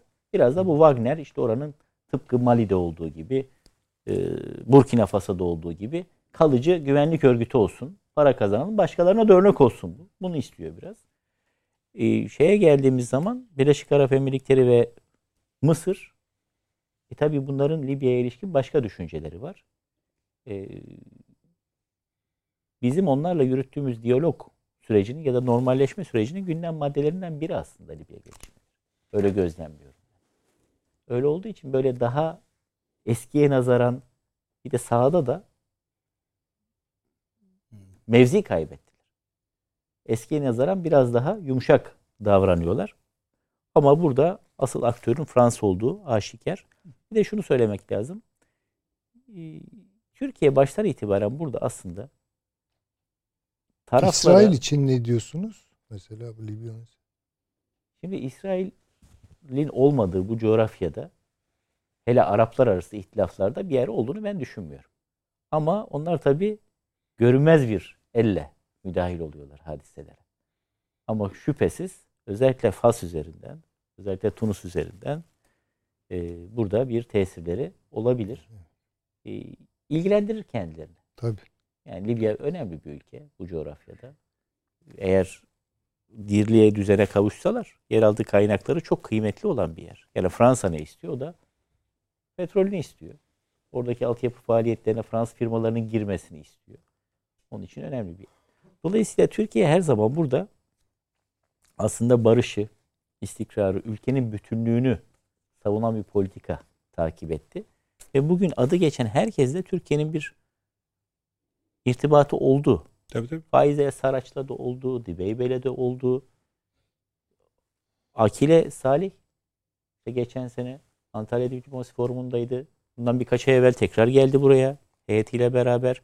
Yani Hafter dışında ki Peki yani bu Hafter, Hafter herhalde konusu... bir takım adamlarını göndermiştir değil mi? Ben de o İsrail'e gönderiyor. Şey yapmak istiyorum, görüşmek istiyorum demiştir yani. Peki siz o İsrail'e gönderiyor Hafter adam. Libya'nın şu anki durumunda eski yakın döneme kıyasla bir bozulma görüyor musunuz? Çünkü eğer mesela şu tabloya bakarsanız bir bozulma varmış gibi. Ben geçmiş dönemde bir düzelme görmedim ki bunda bir bozulma yani En azından hani... Şimdi siz başbakansınız, seçim yapacağım diyorsunuz. Seçimi 10 defa tehir ediyorsunuz. Şimdi bu Fethi Başa dün evet. çıkmış bir adam değil ki. Buna kızıp da baş kaldırmış bir adam da değil. Bu zaten daha evvel seçimde Bakan. aday adaydı bu. Hı. İçişleri Bakanıydı ama Dibebe'ye karşı da adaydı evet. bu. Az farkla Dibebe kazandı. Ne karşılığında kazandı? Söz verdi ben seçim yapacağım dedi. O gün olacak, bugün olacak. O onun adaylığını iptal etti Anayasa Mahkemesi. Bu bunu bilmem ne derken 2022 oldu seçim yok. E tabii insan bu yani. Siyasetçi bunlar böyle mantar gibi yerden biten şey değil ki. Bunda tamam, bir taraftarları hocam, var, bir kabilesi var. Son soru şu oluyor yani hani Neyse ben size tekrar geleceğim Libya konusunda. Süleyman Hocam ba- bağlıyorsanız hani. Hocam bir şey sorayım merak ediyorum. Bu Hafter konusunda gereksiz gerek Çağrı Hoca yani yani Türkiye bir darbeci Hafter de diyor e, defterini kapattı adamın.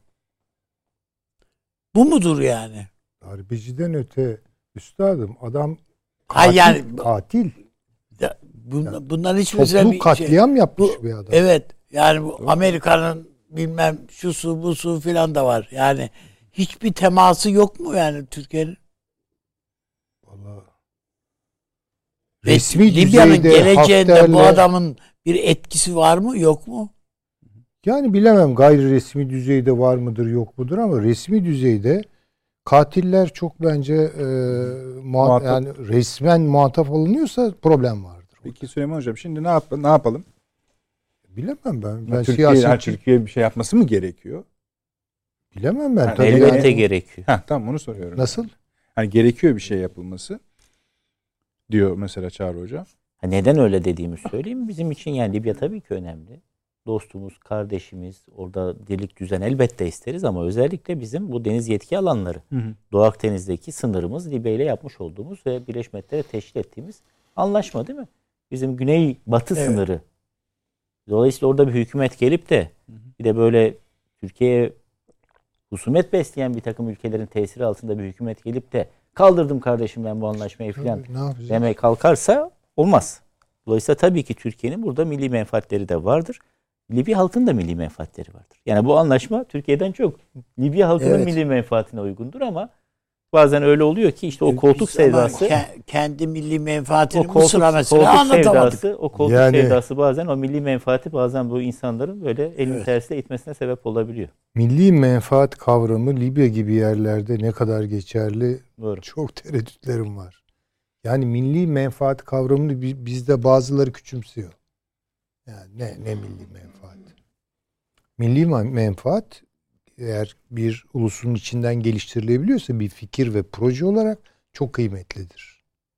Allah'tan bizim öyle bir kabiliyetimiz var millet olarak. Ama Libya'da milli menfaat ne demektir? Kabilenin menfaati. hocam. E işte yani. Peki. Avni Bey? Yani ben e, şu andaki yani e, biz ham ilk hamleyi çok doğru yaptık Libya'da Hiç şüphe yok. Evet. açıkçası. Ama sonrasında bu Suriye için de geçerli. Yani biz ne yazık ki böyle yani o ilk adımı çok isabetle kaydediyoruz. Ee, ama sonrasında iş biraz böyle ya etraftan baskılar ya şu ne der bu ne der o böyle olmuş bu böyle olmuş falan gibi derhal iş gevşiyor biraz. Gevşiyor derken bizim zihnimizde önemini kaybediyor anlamında söylemiyorum. Yine önemli fakat e, hareket şeyimiz e, alanımız daralıyor. Hem diplomasi açısından hem askeri açıdan olsun. Ben Libya'da askeri durumumuzun sağlam olduğunu düşünüyorum şu anda. Yani e, ve şu anda orada o coğrafyada en güçlü ayakta duran Türkiye. Keza Türk Silahlı Kuvvetleri. İşte eğitim şeyiyle şuydu budu. Ama orada adamların da yani bir takım siyasette aday olan insanların da birisini tutup taşımamız lazım. Bir o bir o de olduğu vakit adamlar da şaşırıyor. Biz de şaşırıyoruz. Biraz böyle o hani yalpalamaya zaten müsait adamlar. O kabilelerin kav şey, kendi aralarındaki kavgalar, çekişmeler filan bütün bunların altı arkasında yatan şeyler var, hesaplar var. O yüzden ben e, Türkiye'nin yani evet mesela Polonya'ya şey Polonya diyorum Ukrayna'ya konsantre oluyorsak Irak'ı unutuyoruz gibi. Evet. Irak'a konsantre oluyorsak Suriye'yi bir tarafa koyuyoruz. Bütün bunlara bakıyorsak efendim Libya zaten bizde bile yani şurada programlarımızda kaç programdır Libya'yı konuşsak iyi olur falan diyorduk. Konuşmadık. Yani e, şey gelmiyor yani bize. Orada bir tane bir şey. Unutmadığımızı gösterdik Ha, ama. göster, gösterdik. Ama işte bu suikast teşebbüsü olmasa o bile e, gündeme gelmeyebilirdi yani. Onun için e, bizim e, hem basın veya iletişimimiz alanında bizim derken yani bizim programın anlamında söylemiyorum ama böyle bir sıkıntı var. Yani e, o duyarlılığı diri tutmak lazım toplumda. Bunu sivil toplum kuruluşlarıyla diri tutmak lazım. Konferanslar, şunlar bunlar, basın toplantıları öyle değil mi bilmiyorum. Belki de yanılıyor olabilirim ama sürekli bu ilgiyi ayakta tutmamız lazım. Türkiye'de Libya konusuna son derece hakim insanlar var. Şu anda. Yani e, meselelerin hangi boyutta olduğunu, nasıl bir hamle yapılması gerektiğini tartışabilecek, hükümeti destekleyecek ya da eleştirecek. Fark etmez. E bunun sadece iktidar partisinde olması yetmez. Muhalefet partilerinin yani zaten hani bizimkilere bakarsan işte şu masada siz nerede oturacaksınız? Alfabetik sırayla mı oturursunuz yoksa bilmem soyadı sırasına göre falan diye tartışan bir muhalefete siz neyi anlatacaksınız ki? Böyle bir acınız acınası bir durumumuz da var yani. Peki abi. Hocam? Tabii meselenin kamuoyunda zaman zaman alevlendiği, zaman zaman sönümlendiği, soğuduğu dönemler oluyor. Böyle olması orada planlı programlı bir faaliyetin devam etmediği manasına gelmiyor. Yani biz kamuoyunda konuşmuyor olabiliriz bunu ama orada elbette devletin yetkili kurumları, istihbarat teşkilatımız olsun, TSK olsun, diğer kurumlarımız, Dışişleri Bakanlığımız olsun. Orada çalışmalarını sürdürüyorlar. Gündeme gelen bir takım siyasi figürlerin ötesinde ve derininde Libya'yı oluşturan az önce işte bir Libya milletinin var olmasına ilişkin müşkilattan söz edildi burada. Doğrudur. En önemli bileşenlerinin başında aşiretler geliyor. O aşiretlerin her biriyle yakın ilişki içerisinde olunduğunu, bu aşiretler konfederasyonuyla birlikte bazen hareket edildiğini filan bunları da zaman zaman okuyoruz. Basına da yansıyor. Dolayısıyla Türkiye güçlü bir aktördür orada. Türkiye sadece bu ülkeye duyduğu dostane hissiyat için orada değildir. Ama aynı zamanda kendi menfaatleri için de öyle oradadır. Zaten dış politika da bunu gerektirir. Normal. Ee, biz bu bölgenin eski sömürgecisi bir takım ülkelerin at oynatmaya kalktığı bir coğrafyada ve yeni bir takım kendi paralarına dayanarak adam satın alma yoluyla oraları dizayn etmeye çalışan e, aktörlerin at oynatmaya çalıştığı bir coğrafyada kendi milli menfaatleri doğrultusunda ve Libya halkından gelen talepler doğrultusunda bakın burada varlığı hukuki bir metne dayanan tek ülke Türkiye'dir. Nedir o? Libya ile yapmış olduğumuz anlaşmadır. Bizim bir askeri işbirliği danışmanlık anlaşmamız Evet. var. Yani bizim oradaki mevcudiyetimiz bu hukuki metne dayalı olarak oradayız. Sınırlandırma anlaşmamız var ve Birleşmiş Milletler'e de kaydettirdiğimiz bir anlaşma. Ona dayalı olarak oradaki sınırımız çizilmiş durumda. Yoksa kendiliğinden oraya giden, yerleşen ya da söz söyleme hakkını kendinde bulan bir takım ülkeler gibi değil. Paralı askerleri güneyden getirip buraya yollayan, onları finanse eden ve burada maalesef kardeş kanının akılması, ak- akıtılmasına bu kavgaya yangına körükle giden bir ülke değil Türkiye.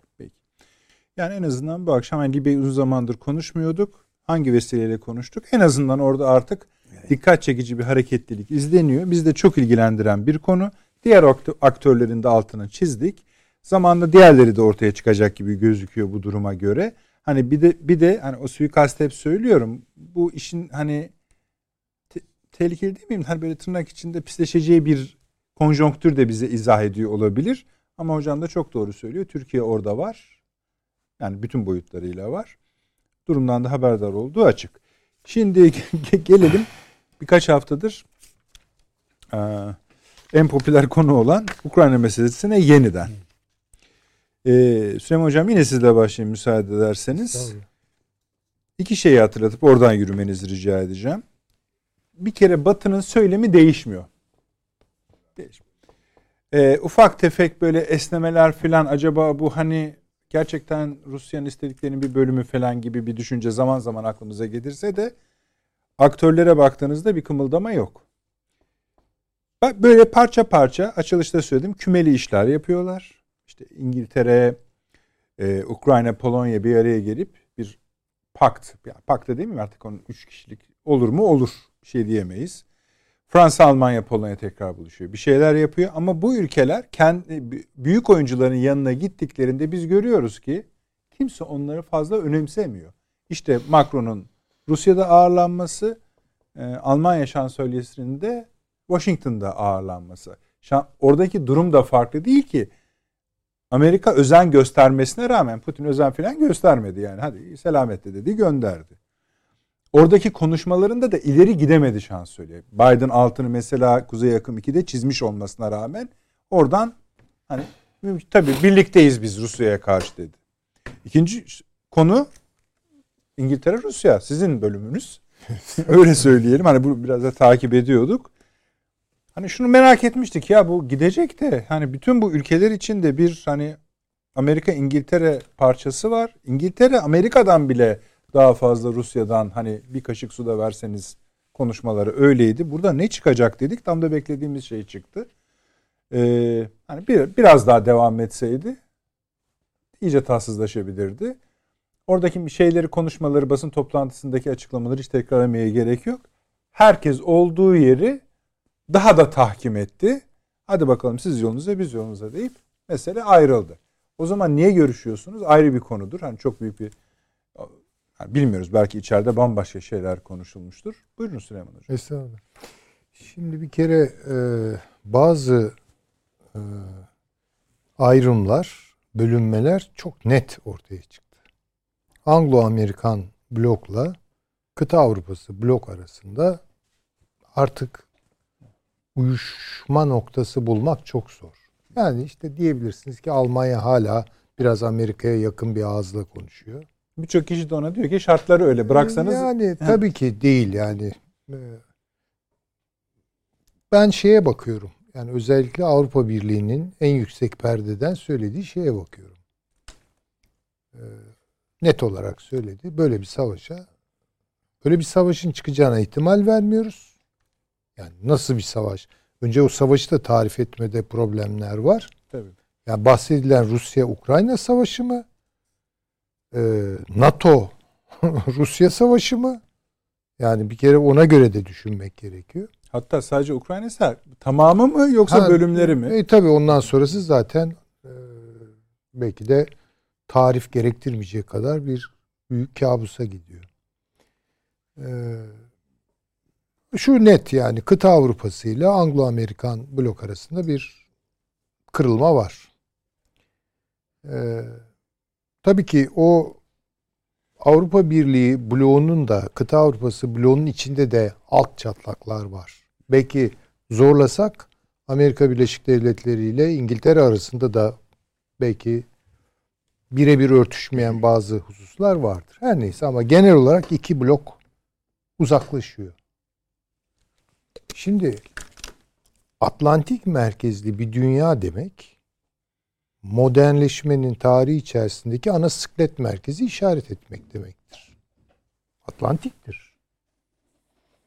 Yani Hollanda'sı, İngiltere'si, efendime söyleyeyim işte İspanya'sı, Portekiz'i, Fransa'sı hep bir Atlantik e, macerası yaşamışlardır. İşte o yeni dünyada belli noktaları, nüfuz alanlarını, sonra bunların savaşını vermişlerdir vesaire ama yatışmış haliyle dünyanın sıklet merkezi neredeydi? Yani Atlantik'ti. E bu çatlıyor demektir. Yani Anglo-Amerikan blok Atlantik e, zamanlarının kendisi değildir. Burada bir işbirliği var yani. Kıta Avrupası ile Amerikalar arasında kuruluyor bu. En basit olarak ticaret hacimlerine baktığımız zaman parlak günlerde işte Avrupa ile Amerika arasındaki ticaret hacmi inanılmaz boyutla. Yüzde seksen falan neredeyse. Şimdi bunlar değişiyor. Çünkü kıta Avrupası ile Çin arasındaki ticaret hacmi Amerikalarla daha doğrusu Amerika Birleşik Devletleri ile kıta Avrupası arasındaki ticaret hacmini geçiyor. Bu ne demek? Yani o çatlağı da aslında anlamış oluyoruz yani orada niye bir böyle bir bölünme var. Dolayısıyla bu işin kaybedeni derece derece Atlantik güçleridir. Yani bir zamanların o mahut Atlantik uygarlığı tırnak içinde ne kadar uygarlıksa tabii. Ee, sıklet merkezi kayıyor. Bu çok açık görülüyor artık. Şimdi ne yapabilir Amerika? Ya bundan sonra bir kere şu net olarak ortaya çıktı. Hocam net olarak ortaya çıktı virgül yapayım. Bugün Lavrov dedi ki yani büyük sorunumuz şu kimle konuşursak konuşalım bizi dinlemiyorlar, duymuyorlar dedi. E, duymaz oraya kocaman masa koyarsan nasıl duysun seni? Ama İngilizler de duymamış hocam. Yani gene adam hani Şey, halbuki diyor her türlü şeyi anlattık diyor yani. Yani mutlaka duy- yapıyorsunuz biliyorsunuz. Ee, bu Putin'in davetlerinde iki PCR testinin yapılması gerekiyormuş. Görüşme öncesi. Ee, eğer tek PCR testi yapılmışsa muhataba e, o zaman Putin'le arasında 5 metre mesafenin olması gerekiyormuş. Ama ölçümlere göre 5.90 masa. Ölçüm, Bilmiyorum. ölçmüş bizimkiler. 5 metre mesela. Ve Ama tabii herhalde bu bir şey şartı değildir de bunu da bir gerekçe olarak Putin kullandı. Peki. Peki. Hocam kusura bakmayın. Yok estağfurullah. Adam en sonunda kulaklığını bile çıkarttı attı canım yani. Buyurun. Ee, estağfurullah. Şimdi şöyle bir tablo ortaya çıkıyor. Ee, Amerika Birleşik Devletleri e, ekonomik gücünü 1970'lerden itibaren kaybetmeye başladı. Bunu unutuyoruz genellikle. Yani gerek sermayenin verimlilik oranları, gerek emeğin verimlilik oranları 1970'lerden itibaren aşama aşama düşüyor. Ben bunun çeşitli sebepleri var. Oraya girmek istemiyorum şimdilik.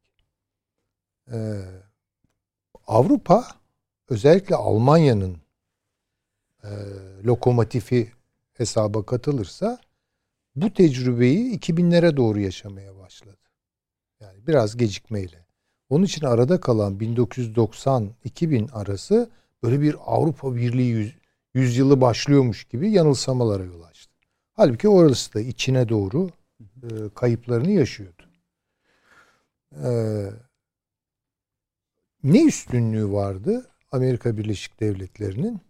Yani baktığınız zaman evet ekonomik açıdan kayıpları, altyapısının eskimesi vesaire yani neyse oradan başlayarak daima sürdürdüğü bir psikolojik moral üstünlüğü vardı. Yani Sovyetler Birliği'nin çökmesinden itibaren işte kazandık. Zafer bizim. Önümüzdeki yüzyılın hayat beklentileri neyin üzerine kuruluyor? Amerikan rüyası üzerine kuruluyor. İşte tüketim patlayacak, işte üretim Tarihin coşacak değil mi? Ya evet ya artık hatta dediğiniz gibi tarihin sonuna da vasıl olacağız. Peki şimdi Amerika ne durumda? Bir, 2008 krizinden daha önce dot-com krizleri işte 90'lı yılların krizli geçin. Hadi onlar diyelim ki hazırlayıcı, öncü depremlerde 2008 ağırdı. Ve 2009'da bir daha vurdu. Yani yarın gene vurabilir. Onu zaten aşağı yukarı öngörenler var. Şimdi bir kere Amerika Birleşik Devletleri'nin psikolojik üstünlüğünün bir sütununu oluşturan Amerikan rüyası sönümlendi. Yani Amerika orada inandırıcılığı Dünyaya vaat ettiği şeyi Tabii. yitirdi. yitirdi.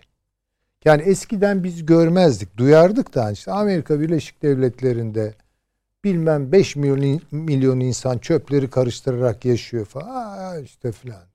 Sonra o rakamlar 50 milyonu falan bulunca yemek kuyrukları bilmem neler, çadır kentler, e, karavan, dökük karavanlarda yaşayan sayısız insan falan yani onları daha çok görmeye başladık. Daha evvel Evsiz görmüyorduk. olmasa da işsiz sayısı bugün açıklanan enflasyon son 40 yılın en yüksek Elbette enflasyonu. Tabii. Bir de Amerikan rüyası öyle bir şeyin üzerine kurulmuştu ki zaten kaçınılmaz olarak enflasyon doğuracak olan bir şeydi. Sınırsız para basma hikayeleri. Ve o nispette de üretiminizi arttıramıyorsunuz.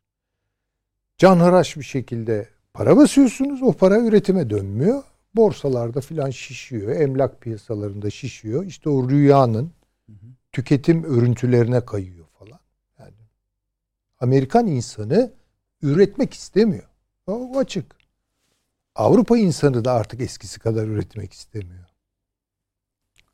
Şimdi böyle bir durumda bu şirket yani Amerikalarla Avrupa arasında kurulan bu Atlantik şirketi yarılır ortadan. Bunu gayet. Ama psikolojik üstünlüğünü kaybeder. Bir Amerikan tarzı, hayatı insanların önüne artık koyamazsınız. Komik olur. İki, Amerika güvenilirliğini kaybediyor. Şimdi Afganistan'da olan şeyle bugün Ukrayna'da olan şey, Ukrayna'da olan şey farklı değil. Afganistan'ına sırtını döndü. İnsanlar havaalanlarında falan böyle uçaklardan düştüler falan. Geçti gitti. Tamam oradan belki biraz paçayı sıyırtmak manasında bir şeyi vardı bunun. Şimdi Ukraynalı empati yap. Bugün onu düşündüm ya. Ben bir Ukraynalı olsaydım. Hatta hatta yani Avrupa Birliği hevesi olan, Ukrayna'nın NATO'ya girmesini isteyen artık onu eskisi kadar istemezdim. Çünkü bu güçlerin nasıl Rusya'nın önüne Ukrayna'yı attığını ve sahipsiz bıraktığını herkes görüyor herhalde. Şimdi mesele değil artık Rusya için Ukrayna'yı işgal edip etmemek. Yani orada bir çevirme yaptı. Bence Ukrayna'da ya Zelenski'yi adam akıllı hizaya getirecekler. Ben söyleyeyim. Veya Zelenski bir gün uçağa binip veya helikoptere binip filan Polonya'ya zor atacak kapağı. Muhtemelen. Ben öyle görüyorum. Yani Rusya kımıldadığı an ondan vazgeçebilirsiniz. Ben de öyle düşünüyorum. Evet. Yani adam aslında daha çok istemiyor yani bunu. Ha, istemiyor da yani. Şimdi hadi gir hadi gir oraya. Ya en sonunda Zelenski'yi çıldırttılar tabii, yani. Yapmayın bakanı, ya yani. Tabii, tabii. Ha yani bizim üzerimize oyun oynamayın. Ya bunu Batı yanlısı diye seçilmiş bir lider söyleme noktasına geldi. Yani Ukraynalı eğer biraz e, Esasen dünyayı sayın, filan Cumhur Sayın Dışişleri Bakanı da böyle konuştu. Yani Tabii ki. Çok fazla ses çıkıyor dedi. Bugün. Hay şimdi kışkırtıyorlar ve o kışkırtı biraz onun abartılı olduğunu yani Ukrayna'ya bunun maliyeti ne olur? Ukraynalılar ölürler falan hiç umurlarında değil adamların. Sana ben işte biraz silah veririm. Bir de uluslararası düzlemde seni savunurum. Bu inanç doğurur mu? Afganistan'ı sattın. Hadi çok amiyane tabirlerle anlatayım. Bugün Ukrayna'yı da satıyorsun. E kim güvenir size artık? İnandırıcılığınızı kaybediyorsunuz. Yani hem maddi gücünüzden oluyorsunuz. O ekonomik verimlilik kayıpları, sermaye kaçışları, teknoloji kaçışları vesaire. Hem duruma hakim olamıyorsunuz. hem hem de nereye elinizi attıysanız orada hayal kırıklığı üreterek geri adım atıyor. Yani bence şu an böyle kedinin fareyle oynadığı gibi Rusya oynuyor. Putin oynuyor bunlarla. Yani nasıl çıkacaklarını da çok iyi bilemiyorlar bu işte. Hüseyin Hocam tamam da hani e, sata baktığınız, yüzeye baktığınızda Amerika'nın da sanki bir takım bu gerilimden beklentileri var. Beklentileri zaten söylediler değil mi? Yani ne dediler? Ya bu girecek Ukrayna'ya. Girerse biz bunlara ağır bir ekonomik yaptırım uygulayacağız. E uygula. O da gazı gazı kesecekler. Kimin e, başına patlayacak bu iş? Almanya'nın Fransa'nın işine elini Avrupa'yı yıkacak olan bir şey. Yani yıkacak ağır bir tabir olur da yani çok zora sokacak olan bir şey. Yani değil mi? Ha niyetin Avrupa'yı söndürmekse Zaten ince bir taktik diyebilirim yani. E ama Avrupa'sı sen bir şey değilsin. Yani Amerika'yı var eden şey. En başta bu adamlar 2. Dünya Savaşı'ndan sonra ağır paralar yatırdılar Almanya'ya. O Almanya sadece Alman çalışkanlığıyla ayağa kalkmadı ki. Değil mi ya? O paralar geldi yani. Japonya. Yani şimdi düşünebiliyor musunuz? Savaşta gırtlak gırtlağa olduğunuz iki devleti ihya ederek ayağa kaldırıyorsunuz. Zaten bir tuhaflık var. Bir beklediğiniz bir şey var. Amerika'yı Amerika yapan 2. Dünya Savaşı'ndan sonra euro dolardır. De Gaulle'ü çıldırtan şey budur. Euro dolar üzerinden yaptılar. Avrupa'dan artık çektiler bunlar. Japonya'dan artık çektiler falan. Tek başına Amerika öyle olamıyor. Olamaz yani.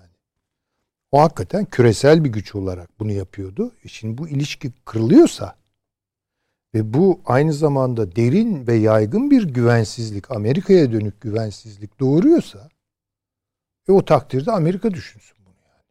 Peki. Ya ama şunu da hep söylüyorum. Bu tabii Amerika'yı her açıdan çok çılgın bir karara götürebilir. Bundan da ürküyorum. Yani çünkü evet. mesele dediğimiz gibi yani e, çöp gibi de kalabilirsiniz ama elinizde bir silah falan varsa can yakarsınız her şeye rağmen. Ki Amerika tabii ki çöp gibi kalmıyor. O donan, donanımı var. Donanımı var ama şunu da söyleyelim hani en son çok uzattığımı farkındayım. Devam edeceğiz daha hocam. Yani bir cümle daha söyleyeceğim. Buyurun. Daha iyi anlaşılması Aynen, itibariyle. Amerika'nın bugün 23 trilyon dolar üretim var. 23 trilyon dolar gayri safi milli hasılası. Bunun en az yarısı içi boştur. İçi boş bir rakamdır. Üretimde karşılığı yoktur. Ama o, o köpükle ayakta duruyor şimdilik. Yani karşılığı olmayan bir rakamdır. O bir gün elinden giderse ki attığı bu mütereddit adımlar sonucunu pek öngörmeden hatta yani bence biraz da hesapsız yaptığı işler dolar sisteminin de sonunu getirebilecek olan adımların atılmasına yol açıyor bir tarafta. İşte yuan, petro yuan çıkıyor. Bilmem ne. Karşılıklı yeni swap anlaşmaları rejimi oluşturulmaya Şimdi bunlara baktığınız zaman e, o da boşalacak demek ki. Yani kişi başına düşen gelir Amerika'da pat diye o reel seviyesini ini verecek. Ondan Peki. sonra tutun bakalım Amerika'yı kendi içinde Devam bir arada. Daha. Zamanınız var hocam. Teşekkür evet. ederim Avni Bey. Ukrayna'yı burada sürekli konuşuyoruz zaten. Hı hı. Bence Putin bütün Batı dünyasını yani hem Atlantik dünyası açısından hem Avrupa Birliği açısından bakalım. Hangisi açıdan olursa olsun test etti. Ve bunların son derece gevşek ve aralarındaki çimentonun çözülmüş olduğunu ortaya çıkardı. Yani ülkelerin kendi içlerinde bile bir tesanüt yok zaten artık. Yani sadece ülkeler arasında bir evet NATO ittifakına bağlıyız bilmem ne filan filan e, dense bile e, ki bu da denmiyor esasında. Yani bu, bunu bile zorlukla söylüyorlar. Ee, yani Almanya'nın o tecrübesiz başbakan şeye gitti işte Biden'a gitti. Orada bile yani e, Rusya'ya karşı yaptırımlar olduğunda tabi dedi yani biz Atlantik Paktı ile birlikte hareket ederiz dedi. Ama bu böyle yasa, yasak sağ makabilinden edilmiş bir laf.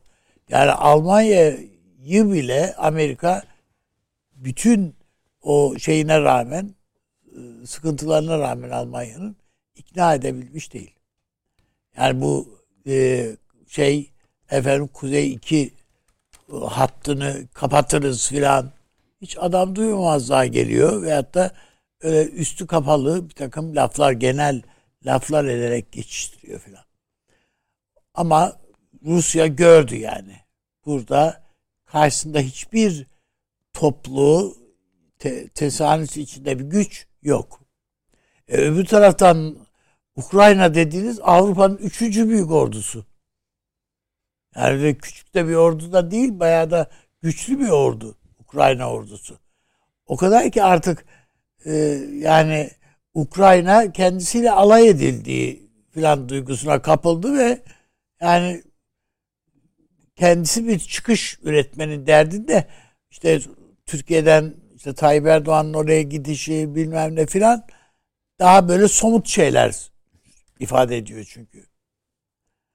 Ee, bakıldığında e, yani Amerika konusunda hocamın söylediklerine katılıyorum. Yani eskiden bu Amerikan rüyası dediğimiz şöyle yani e, kurayla green card dağıtırlardı bunlar. Yani Amerikan vatandaşı olmak ister misiniz? Hadi başvurun.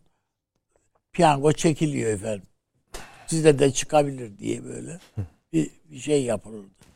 Şimdi o başvurular ne kadar ya bunun esas amacı sizin hanenize Amerika'daki şeyinize yani bilgi işlem şeyinize beyefendi Amerikan vatandaşı olmak için bize başvurmuştu diye o kaydı düşmek. Esas şey bu. Yani size çıkması önemli değil. Çıkmaması halinde bile o bir evrak. Bu zaten Amerikalı olmak istemişti beyefendi diye. Önünüze getirilebilir. Peki de keza yani bakıldığı vakit üretim meselesinde tabii ben de aynı kanaatteyim. Yani Önemli. Şunu çok sorabilir miyim kof size? bir üretim hı hı. var. Yani evet çok büyük şirketler bu Facebook'lar, YouTube'lar, Google'lar filan ama sonuçta ne üretiyorlar? Yani hani geçen sefer de aynı şeyi kullanıyor. Bunun ete davara ne faydası var? Yani hiçbir faydası yok. Yani bunda bir üretim yok. Yani yiyemezsin, dağıtamazsın, kimsenin karnını doyuramazsın bunlarla. Ve gibi böyle bir şey. Annem yani. şunu şunu evet. arıyoruz hala. Şimdi bak hani dedim ya demin Lavrov çıktı. Hiç yani bizi ne duyuyorlar ne dinliyorlar diyor. Anlıyoruz ki bütün bu ortak Bu aynı batı- şeyi Amerikan halkı da söylüyor. Yani bizi de dinlemiyor sıkıntılarımız Amerika yani ne olacak diyor insanlar. Yani ya Amerikan Kongresi diyor ki, yani kongre demiyor ama yani Amerikan başkanı diyor ki ya bu aldırma Mars'a gideceğiz diyor ya. Karbon salınımı çok düşecek diyor önümüzdeki 20 yılda. Adam yarın ne yiyeceğiz? Sizin filan hesabında. Yani ne oluyor? Bu aşılar maşılar filan. Kanada ile birbirine girdi ya. Doğru. Böyle şey mi? Gibi e, bu ben yine de yani bir savaş çıkmayacağı e, ama çıkmayan bu savaşın şu anda bir galibi var. Hı.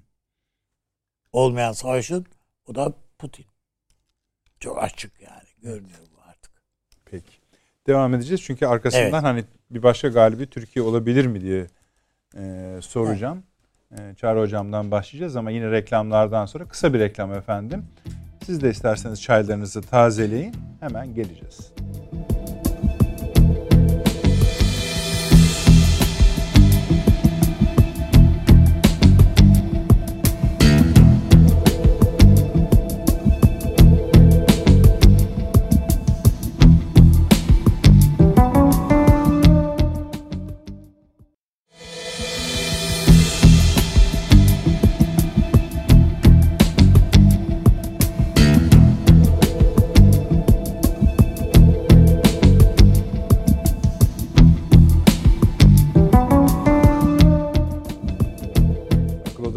Ediyor efendim. Çağrı hocam buyurunuz. Amerika Bir de tabii şöyle yani şunu da bir, bir Amerika da bir şey istiyor.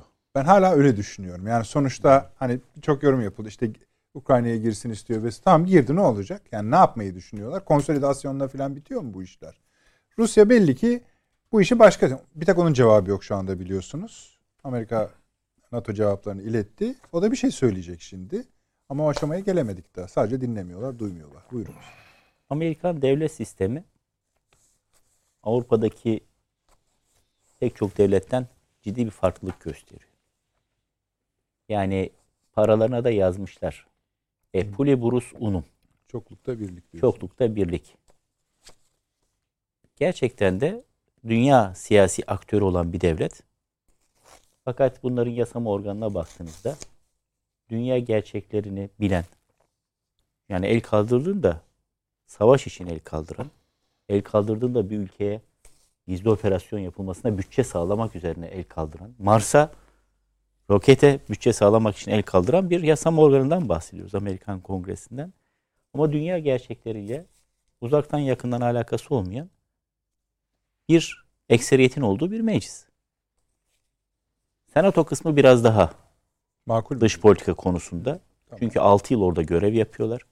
Ama temsilciler meclis yani o 435 kişinin olduğu taraf 2 yıllığına görev yapıyor. Bunlar içerisinde belki dörtte bir gerçekten yaptıkları görev itibariyle daha evvel harita üzerinde mesela Türkiye'nin ya da Ukrayna'nın yerini gösterebilecek. Dörtte bir abartarak da söylüyor olabilirim yani. Bence öyle yapıyorsunuz. Senatodan Evet. daha çok çıkar Yer vardır, kişi vardır Evet. ama geri kalanlar bilmezler bile.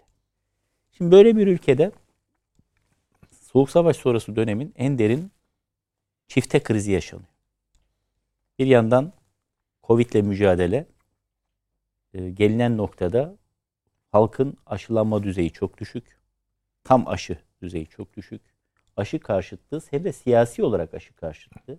Biliyorsunuz bu aşı karşıtlığı birkaç farklı sebepten kaynaklanıyor. Dini sebeplerle karşı çıkanlar var. Tamamen ben vücut bütünlüğüme dokundurmam diyerek karşı çıkanlar var. Bunun ne olduğu belli değil. Hı hı. Sağlık Şüphelidir. şüpheli, diyerek karşı çıkanlar var. Ben vücudumun direncini korumak istiyorum diyerek ben ilaç bile almıyorum deyip karşı çıkanlar var. Bir de siyasi sebeplerle karşı çıkanlar var. Amerika Birleşik Devletleri'nde bunların hepsi var ama siyasi sebeplerle, ideolojik sebeplerle karşı çıkanların var olduğu bir ülke ve bir türlü belli rakamın altına vaka sayısını ve vefat sayısını düşüremeyen bir ülke. Ama eş zamanlı olarak siz az önce söylediniz son 40 yılın en yüksek enflasyon, en yüksek işsizlik, en yüksek boşluluk Hepsi oranlarına sahip olan bir ülke. Bunları bir araya getirdiğinizde tabii ki Biden'ın son bir senesi aşağı yukarı bir seneyi de biraz geçti. 15-20 günde geçti. İç siyasetle uğraşmakla geçti. Yani bizim açımızdan Amerika Birleşik Devletleri'nin dünya siyasetinde hala oynamakta olduğu önemli bir rol var elbette. Ama Biden acaba bu rolün adamı mı? Kamala Harris'e kalsa, yani Biden bugün ben ayrıldım, ben artık yaşlandım dese ve koltuğu Harris'e, Amerika'nın ilk kadın başkanı olarak bıraksa, acaba onun bir dünya siyaseti olacak mı? İçerisi bu kadar sıkıntılıyken. İktisadi ve sağlık çifte krizine bir de geçen seçimin bıraktığı bir Tortu var. e, tortu, ciddi bir yük var. Ve belli ki önümüzdeki seçimde de o devam edecek. Bakın bugünkü Amerikan gazetelerinde Başkan Trump'ın Beyaz Saray'dan ayrılırken bir takım gizli evrakı da alıp yanında götürdüğü hakkında bir takım haberler çıktı. Yani bu oradan Trump'ın bir sonraki seçimde aday olamaması için şimdiden belki bir Ön soruşturma süreci, tekrar bir belki azil süreci başlatmaya mağdur. Belli ki böyle ufak ufak karıştırıyorlar. Tezgahlar.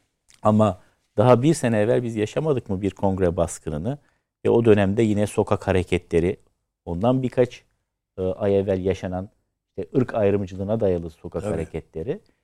Bun, bunların hepsine Süleyman Hoca'nın ifade ettiği Amerika'nın yoksullaşması eklendiğinde bugün dünyanın hala lider ülkesinde her açıdan yani askeri açıdan da ekonomik açıdan da yani birinci sırada ise evet öyle. Çok ciddi e, bir takım alışılageldik olmayan diyelim. Sıra dışı. Anormal, sıra dışı durumların olduğunu görüyoruz. Bu beraberinde tabii biz efendim Rusya ile Amerika çatışır mı? Çin burada nerede durur? Bunları tartışırken acaba Amerika Birleşik Devletleri'nin içerisinde bir yarılma olur mu sorusunu da beraberinde getiriyor. Çok doğru bir soru. Şimdi biz belki iğne ve çuvaldız meselesi dile getirmek lazım. Bu kadar önemli bir ülke. Türkiye için de önemli, dünya için de önemli. Çok fazla çalışmıyoruz Amerika. Yani bizim araştırma merkezlerimiz, e, eğitim kurumlarımız içerisinde, yüksek öğretim kurumlarımız içerisinde teker teker Amerika çalışan çoktur. Amerika'da okumuş çoktur. Ama şöyle doktora tezlerine baktığınız zaman Amerika'da okumuşlarımız da Türkiye'yi çalışır. Her ne hikmetse. Mesela gidip de Amerika Birleşik Devletleri'ni Güney Dakota eyaletindeki Kızılderililer üzerine, Dakota Kızılderilileri üzerine bir tezimiz herhalde yoktur. Halbuki önemli. Çok geniş topraklar gelmişler. Hepsini o General Custer teker teker kesmiş. Üç tane de Amerikan başkanının dört tane heykelini de dağa kazımışlar. Tepkisel olarak da Kızılderililer büyük Sioux lideri Crazy Horse'un o çılgın, Çılgın at. atın heykelini 70 senedir kazımaya çalışıyorlar. Para bulamadıkları için yapamıyorlar. Ama başkasına da dilenmiyorlar. Para da almıyorlar. Böyle bir yarılma var orada. Kimse ama bunu çalışmaz bizde. Veyahut Kaliforniya'da niçin bu kadar toplumsal anlamda bir ayrışma olduğunu kimse çalışmaz. Yoksulluk Amerika'da üzerine çok azdır yani. Mesela programın başında bir tezden bahsetmiştik. Türk Mukavemet Teşkilatı ile ilgili. Meraklı izleyicilerimiz aynı siteye girerek şeye de bakabilirler. Mesela Amerika ile ilgili kaç tane tez yapılmıştır? Ve ama pure Amerika ile. Yani Türk-Amerikan ilişkileri değil. Türk-Amerikan işleri veyahut Amerikan dil edebiyatından bahsetmiyorum. Tamam. Amerikan sosyolojik yapısı, Amerikan iktisadi yapısı, Amerika'da azınlıklar, Amerika'da kadınların durumu.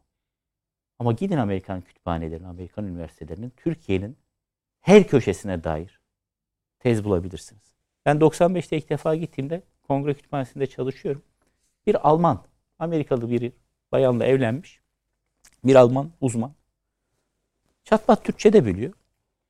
Bana geldi işte gösteriyor şurada arayabilirsin buna bakabilirsin falan. Ya dedim Nils sen Türkçeyi nasıl öğrendin? Senin eşin mi Türk?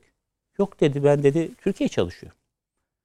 Allah Allah. Nerede çalışıyorsun Türkiye'yi? Maryland Technical University'de, Teknik Üniversitesi'nde doktora yapıyorum ben. Allah Allah. Ne tek doktorası yapıyorsun? Yeşil Irmak Havzası'ndaki Alevi köyleri üzerine yapıyorum. Gittin mi Türkiye'ye? Çok. Köy köy dolaştım. Allah Allah. Yani Amerika'da doktora yapmakta olan bir Alman'a orada hocası git diyor Türkiye'ye Yeşilırmak Havzası'nı bir dolaş bakalım. Orada köylerde hangi adetler var? Folklorik adetler, dini inanışlar üzerine İngilizce bir tez yazdırıyor. Şimdi bizde bu kadar mikro düzeyde bir tezimiz, bir çalışmamız çok azdır. O da e, şahsi gayretlerledir. Şimdi bizim evvela Amerika'ya ilişkin söz söylerken oranın bu iç dinamiklerini çok iyi bilmemiz, siyasetin nasıl işlediğini çok iyi bilmemiz lazım.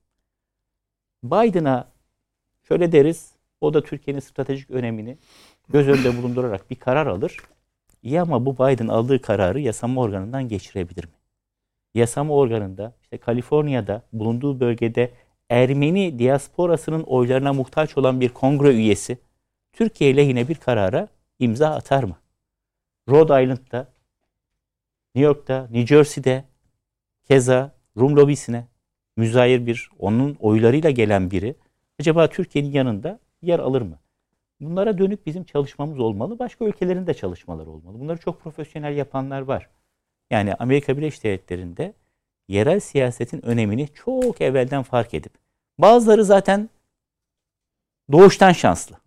Amerika bağlamında söylüyorum. Başka bir bağlamda değil yanlış anlaşılmasın. Doğuştan şanslı ne? Zaten orada nüfusun önemli bir bölümü bunlardan gitmiş. Tabii. Yani işte Anladım. Britanya adalarından Anladım. gitmiş. Almanya'dan gitmiş. Bakın Amerika Birleşik Devletleri'nde İngilizce ve İspanyolcadan sonra en fazla konuşulan dil Almancadır. Doğru. Ve Bazı ilk eyaletler- defa Amerika Birleşik Devletleri ile kurulurken o 13 koloni bir araya gelip de tartışmışlar. İngilizce mi olsun, Almanca mı olsun? Resmi lisan. Almanca o kadar önemlidir. Bazı eyaletlerde birinci dildir. Ama işte Polonyalılar vardır. E, Yahudiler vardır. Yani özellikle de basın sektöründe ve ama Türkler dediğiniz zaman hem sayımız azdır hem de maalesef siyasette, ekonomik hayatta Etkinliğimiz önemli bir yerde değiliz. Şimdi bunlardan niye bahsediyorum? Biz Amerika Birleşik Devletleri'nin kendi içinde bulunduğu iktisadi, sosyal durumu analiz etmeden Rusya karşısında nasıl bir duruş sergileyebileceğini. Aynı şekilde Rusya'nın da kendi iç siyasetini analiz etmeden. Yani gaz olmasa, petrol olmasa Rus ekonomisi ayakta kalabilir mi acaba? Evet gazı kıstığı zaman Almanya diz çökebilir ama acaba gaz olmasa Rusya ne satacak dünyaya? Yani silah, gaz, ve bir de işte Wagner. Değil mi? Bu son dönemde Evet. icat ettikleri o. Dolayısıyla bizim bunu da analiz etmemiz lazım. Keza Çin içinde hep e, konuşurken söylüyoruz. Ben de söylüyorum. Bazen böyle gözü kara söylüyorum. İşte 2050'de dünyanın lideri Çin olacak falan. Okuduklarımızdan, dinlediklerimizden söylüyoruz. Rakamlar da bunu gösteriyor bize. Ama Çin'e ilişkin gerçekten oraya gitmiş, Çince öğrenmiş, e, Çin'in iç yapısını bilen falan çok fazla uzman da açıkçası yetiştirmiyoruz. O sebeple Mesela bizim hocam bu hafta içinde mesela bir e, birden çok olduğu söyleniyor ama benim ulaştığım bir tane üst rütbeli ama emekli bir generalin Putin'e karşı bir mektup yazarak hani tamamdır senin işin hani bırak git. Bu dış basında da çok kullanıldı. Ee, şöyle diyor açık mektup. Devlet sisteminin yetersizliği, profesyonelliğin olmaması ve toplumun düzensizliği karşısında hiçbir ülke bu, bu kadar uzun süre yaşayamaz demiş. Ama yani generaller ifadesi kullanılıyor. Ben daha ikinci ismi görmedim. Birinciyi biliyoruz. bir seçim satım halinde Amerika'da da generallerin böyle Hani şey bildirileri falan söyledim. bunu, Hani. Rusya'nın içini de bilmemiz gerekiyor ayrı konu. Yani şunu bilmemiz gerekiyor. Her şeyden evvel. Bir ülkeden bahsederken şu ülkenin siyaseti dediğimizde o siyaseti oluşturan bileşenler neler? Biz bu yapı sökümünü yapmadığımız zaman çok ezbere konuşuyor olabiliyoruz. Türkiye için de geçerli bu. Ama farkımız ne? Ee, biz de yeni yeni başladık. Yani biz kalkıp analiz ediyoruz artık. Bir takım kürsüler açılıyor, araştırma merkezleri açılıyor, uzmanlarımız ama çok yeni. İngiltere'ye bakıldığı zaman İngiltere bunu asırlardır yapıyor. Yani Arşivi İngiltere'de yeter.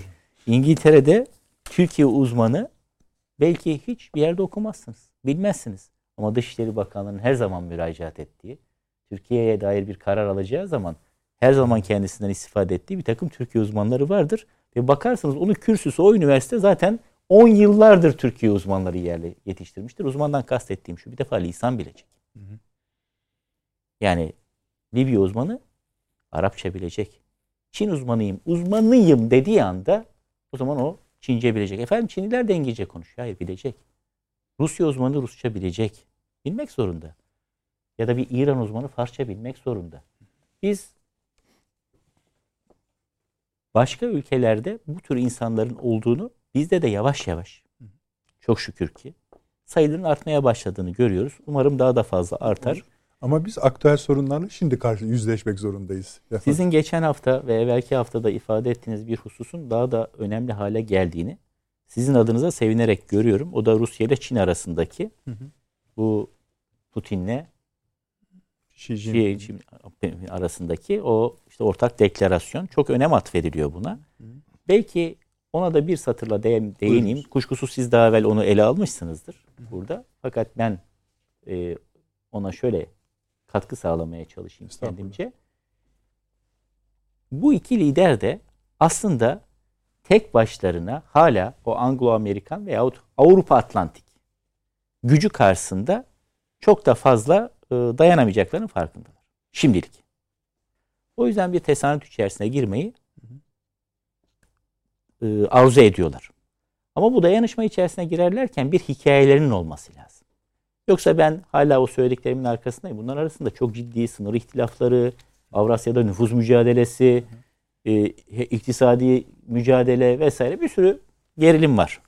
Ama şimdilik ortak düşman karşısında ya da ortak tehdit karşısında bir dayanışma içerisine girmek zorunda hissediyorlar. Kendilerine bir hikaye lazım kendilerine. O hikayede herhalde işte o deklarasyonun satır aralarını okuduğunuz zaman şu o Amerikan hegemonyası, Batı hegemonyası Tam söyleyecektim Ha, bakın not Batı- ettim. ha. Hikaye siz şimdilik dediniz ya hikaye Amerika'nın kendisi. Şu anda şimdilik kaydı şartıyla. Bu Amerikan hegemonyasının sonu gelmiştir, gelmelidir de Birleşmiş Milletler hala insanlığın icat ettiği en e, Çalışır durumda. çalışan örgüttür hani ama işlevsel bu haliyle olmaz. Evet. Bizim bunu tekrar Şimdi bakın bu aslında böyle bizi şey çağrıştırmıyor mu? Yani Birleşmiş Evet. Milletler'in reforme edilmesi. Yani Türkiye bunu defalarca Söyledi. dile getirdi. Reforme edilmesi lazım. Bu haliyle olmaz. Yani beş ülke bir araya geliyor ki onlardan ikisi de diyor ki bu haliyle olmaz. Bu bir fırsat doğurabilir. Ama yine şimdilik kaydıyla söylüyorum. Tabii, tabii. Ama diğer taraftan tekraren söyleyeyim. Ben bunun çok konjonktürel bir birliktelik olduğunu, uzun vade neye göre diyeceksiniz? Yani sen bunu nereden biliyorsun da? Yani az önce söyledin Rusya için, Çin için dil bilmek lazım oraları. Sen bunları biliyor musun da böyle söylüyorsun? diyebilirsiniz. Bir eleştiri getirebilirsiniz ama bir de ortada bu iki ülkenin de eğilimleri var. Trendleri var, tutumları var. Benim gözlemlediğim 1700'lerin sonundan itibaren Rusya kendisini evet bir Avrasya devletidir ama Batı içerisinde konumlandırmıştır. Rusya'nın Çin'le birlikteliği bana biraz çok uzak ihtimal gibi geliyor. Bunu bir sezi diyebilirsiniz. Doğrusu Başka bir şey diyebilirsiniz. Çin'in de keza dünyanın merkezine kendisini oturtan bir ülkenin kalkıp başka biriyle uzun soluklu bir ittifak ilişkisi hele Hindistan'la filan girmesini ben çok Süleyman Hocam da aynı fikirde. Konjonktürel buluyor Çin-Rusya ilişkisini. Ben en çok şurada durmuş idim. Çok fazla sayıda mesela Çin-Rusya cümlesi kurulduğunda etrafınızdaki herkes olmaz. Hani geçmişi söylüyorum. Olmaz olmaz olmaz üzerine konuşuyordu. Ama ol, yani bu aşama bir sıra dışılık gösteriyor. Yani o metin sıra dışı bir metin. Yani yakın tarihe baktığınızda tabii ki siz daha iyi bilirsiniz hocam ama Estağfurullah. hani Çin liderlerinin ilelebet Rusya ile artık birlikte olamayız diye beyanları var. Yani açıklamaları var. 30 yıl önce, 40 yıl önce, 50 yıl önce falan filan. O aşamadan bu aşamaya gelmesi bir e, anomali, aritmi. Şimdi bu konjonktürel mi bilemem. Benim söylediğim oraya kadar. Ama hikaye kısmında mutabıkız. O şu anda idare ediyor bunu. Onu da Amerika'ya sormak lazım. Bu işi buraya nasıl getirdin diye. Çünkü onlara sorarsanız birinin bir tarafına çekip ya da bozup öyle devam etmeyi Rusya Çin düşünüyorlar. birlikteliği bu iki devlet için bir başarıysa bu iki ben yani ebedi düşman olabilecek iki ülkeyi bir araya getirme başarısızlığı da Amerikan hanesine yazılmış İşte yani durumda. eğer öyleyse bir laf etmek gerekiyor yani. Hani şeyden ziyade e, Süleyman hocam hani evet ekonomik e, kritiklerinizde so- çok haklısınız ama bu bamba yani bu kadarını başı yaptıysa Amerika bu iki ülkeyi bir şekilde bir araya getirdiyse o kadar bir sürü burada adını zikrettiğimiz Amerikalı ve hakikaten de bu işleri iyi bilen e, Kissinger mesela vesaire. Brezinski'ye siz çok atıf yaparsınız. Bunun nasıl olması gerektiğini anlatmışken bu hale getirdiyseniz e tamam yeter zaten. Getirdiler ama. E getirdiler işte. Bunun şovunu da yaptılar. Orada ikili ikili de konuştular. Ben çok yakın takip ediyorum hala. Hepsini odalara çekip konuştular liderleri. Çağrı Hocam. Yani hem Xi Jinping hem Putin bakın biz böyle bir şey açıkladık. Buna göre siz de falan diye. Ayrı konu. Orada açıklanan mesela o enerji hattı Kazakistan'ı bile yani bilerek hani içine dahil eden bir şey. Milyarlarca dolarlık olan. Vesaire vesaire. Her neyse. Tamam Çağrı Hocam. Sonuç itibariyle Batı'nın son 500 yıllık bir liderliği var dünyada. Amerika ile başlamadı. Yani İspanya, Portekiz, Hollanda, Fransa, İngiltere. İngiltere, diye geldi. Ama görünen o ki bir sonraki yüzyılda yani içinde bulunduğumuz yüzyılda bu evvela bir şu anda yaşadığımız gibi bir durgunluğa akabinde de bir e, sıklet merkezi değişikliğine sahne olacak dünyamız. Ağırlık merkezi değişikliğine. E, gönül ister ki bu evvelki değişiklikler gibi olmaz. Çünkü evvelkilerin hepsi Kanlı oldu. dünya savaşlarıyla oldu. Ve bu sefer bir dünya savaşı yaşanırsa Yani Biliyorsunuz ortada çok- yani klişe mi kabul edersiniz, temel prensip mi kabul edersiniz? Küresel paradigmadan bir değişiklik bekliyorsanız bu savaşsız olmaz. Ama bu bu sefer başka olur mu bilmiyorum. İşte hani o sorunun cevabını arıyoruz aslında Süleyman Hocam. Avni abi. Hani işte bak hala aynı noktadalar. Ne olduğunu biz de anlamıyoruz. Amerika direnmeye devam ediyor. İngiltere direnmeye devam ediyor. Rusya da aynı yerde duruyor. Hani ne bekliyorlar? Mesela Rusların gerçekten o 100 bin kişiyi kendi toprakları içinde geri çekmesini mi? Bir kere o Bilmiyorum. 100 bin ya da 130 Ne bin kişilik yani? ordu Ukrayna için falan değil. Hı hı. Yani biz hep Ukrayna'ya odaklaşınca, odaklanınca Rusya'nın diğer iki talebini unutuyoruz. Esas onlar. Şeyden çekilin. Tabii Değil ki. mi? Tabii. Yani, Yani bu şurası şurayı boşaltın. Buradan askerlerinizi çekin. E peki bu talebe şu cevap olur mu? Elinizdeki en gelişmiş yüksek irtifa savunma sistemini birisi şeydedir. Pasifik'tedir. Getirip şimdi buraya koymanın Polonya'ya e, işte Baltık. Ya bir cevap adam yani çıktı dedi O işte. zaman Rusya Dışişleri Bakan e, Yardımcısı iyi bakalım dedi. Çağrı Yani Hoca'nın bunun- dediği şeye geliyoruz Buyurun. gene. Ama yani o- orada bir savaşsız bu işler hallolur mu? Evet öyle bir gel gel durumu var. Yani, Yani amiyane tabiri. Ama bu sayede şu gerilim sayesinde Rusya'da bu sene 2022'de büyüme hızı sıfır. Ama beklenen- dolar 94. Şey, Beklenen petrol. büyük, büyüme hızı sıfır. Bu kadar petrol satıyorsun hiçbir halkına kendine hiçbir faydası yok. şöyle Gelen parayı olduğu gibi harcıyorsun. şöyle bir şey var. Ee, şimdi demin- Amerika'nın amacı da bir bakıma bu. Senin bütün Gaz. varını yoğun orada. Evet, gaz ve e, silah kalemlerden ikisi bu. Rusya'yı var. Üçüncü bir kalem var. Bunu genellikle un- unutuyoruz. Gıda, tarım. Rusya bugün bir tarım devidir. Yani. Bu bu çok kritik bir şey. Ukrayna da öyledir. Ya bu şunu söylüyorsunuz herhalde. Yani Avrupa'yı tedarik zinciri açısından mı söylediniz? Yani şimdi Yoksa ha. mesela biz Türkiye Kendi olarak insanını doyuruyor esas Neden olarak tabii e, endişe ediyoruz? Ya bu tedarik zincirlerinde kopmalar bir gıda krizine yol açar mı? Halbuki biz yani en azından bizim nesil falan kendi kendine yeterli yedi devletten biriyiz diye övünürdük. Oradan buraya geldik. Ee, ve şeyimizi kaybettik yani tarımsal kapasitemizde önemli e, Kayıplar kayıplar var. Tamam. Ee, böyle bir problem Rusya için geçerli değil. Bakın bu bir avantajdır. Ukrayna da öyle. Ya bunlar tahıl ambarları. ambarları yani.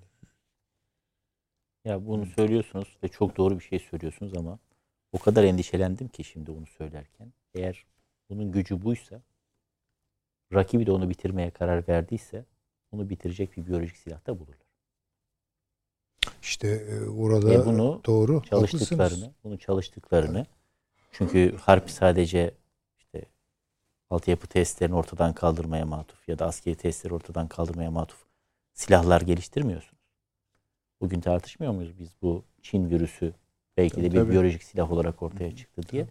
Ve geçmişte de bu biyolojik silahların çok eski tarihlerden itibaren ama özellikle de 20. yüzyılda hem savaşlarda kullanıldığını sonra yasaklandıktan sonra da geliştirilmeye devam edildiğini biliyoruz.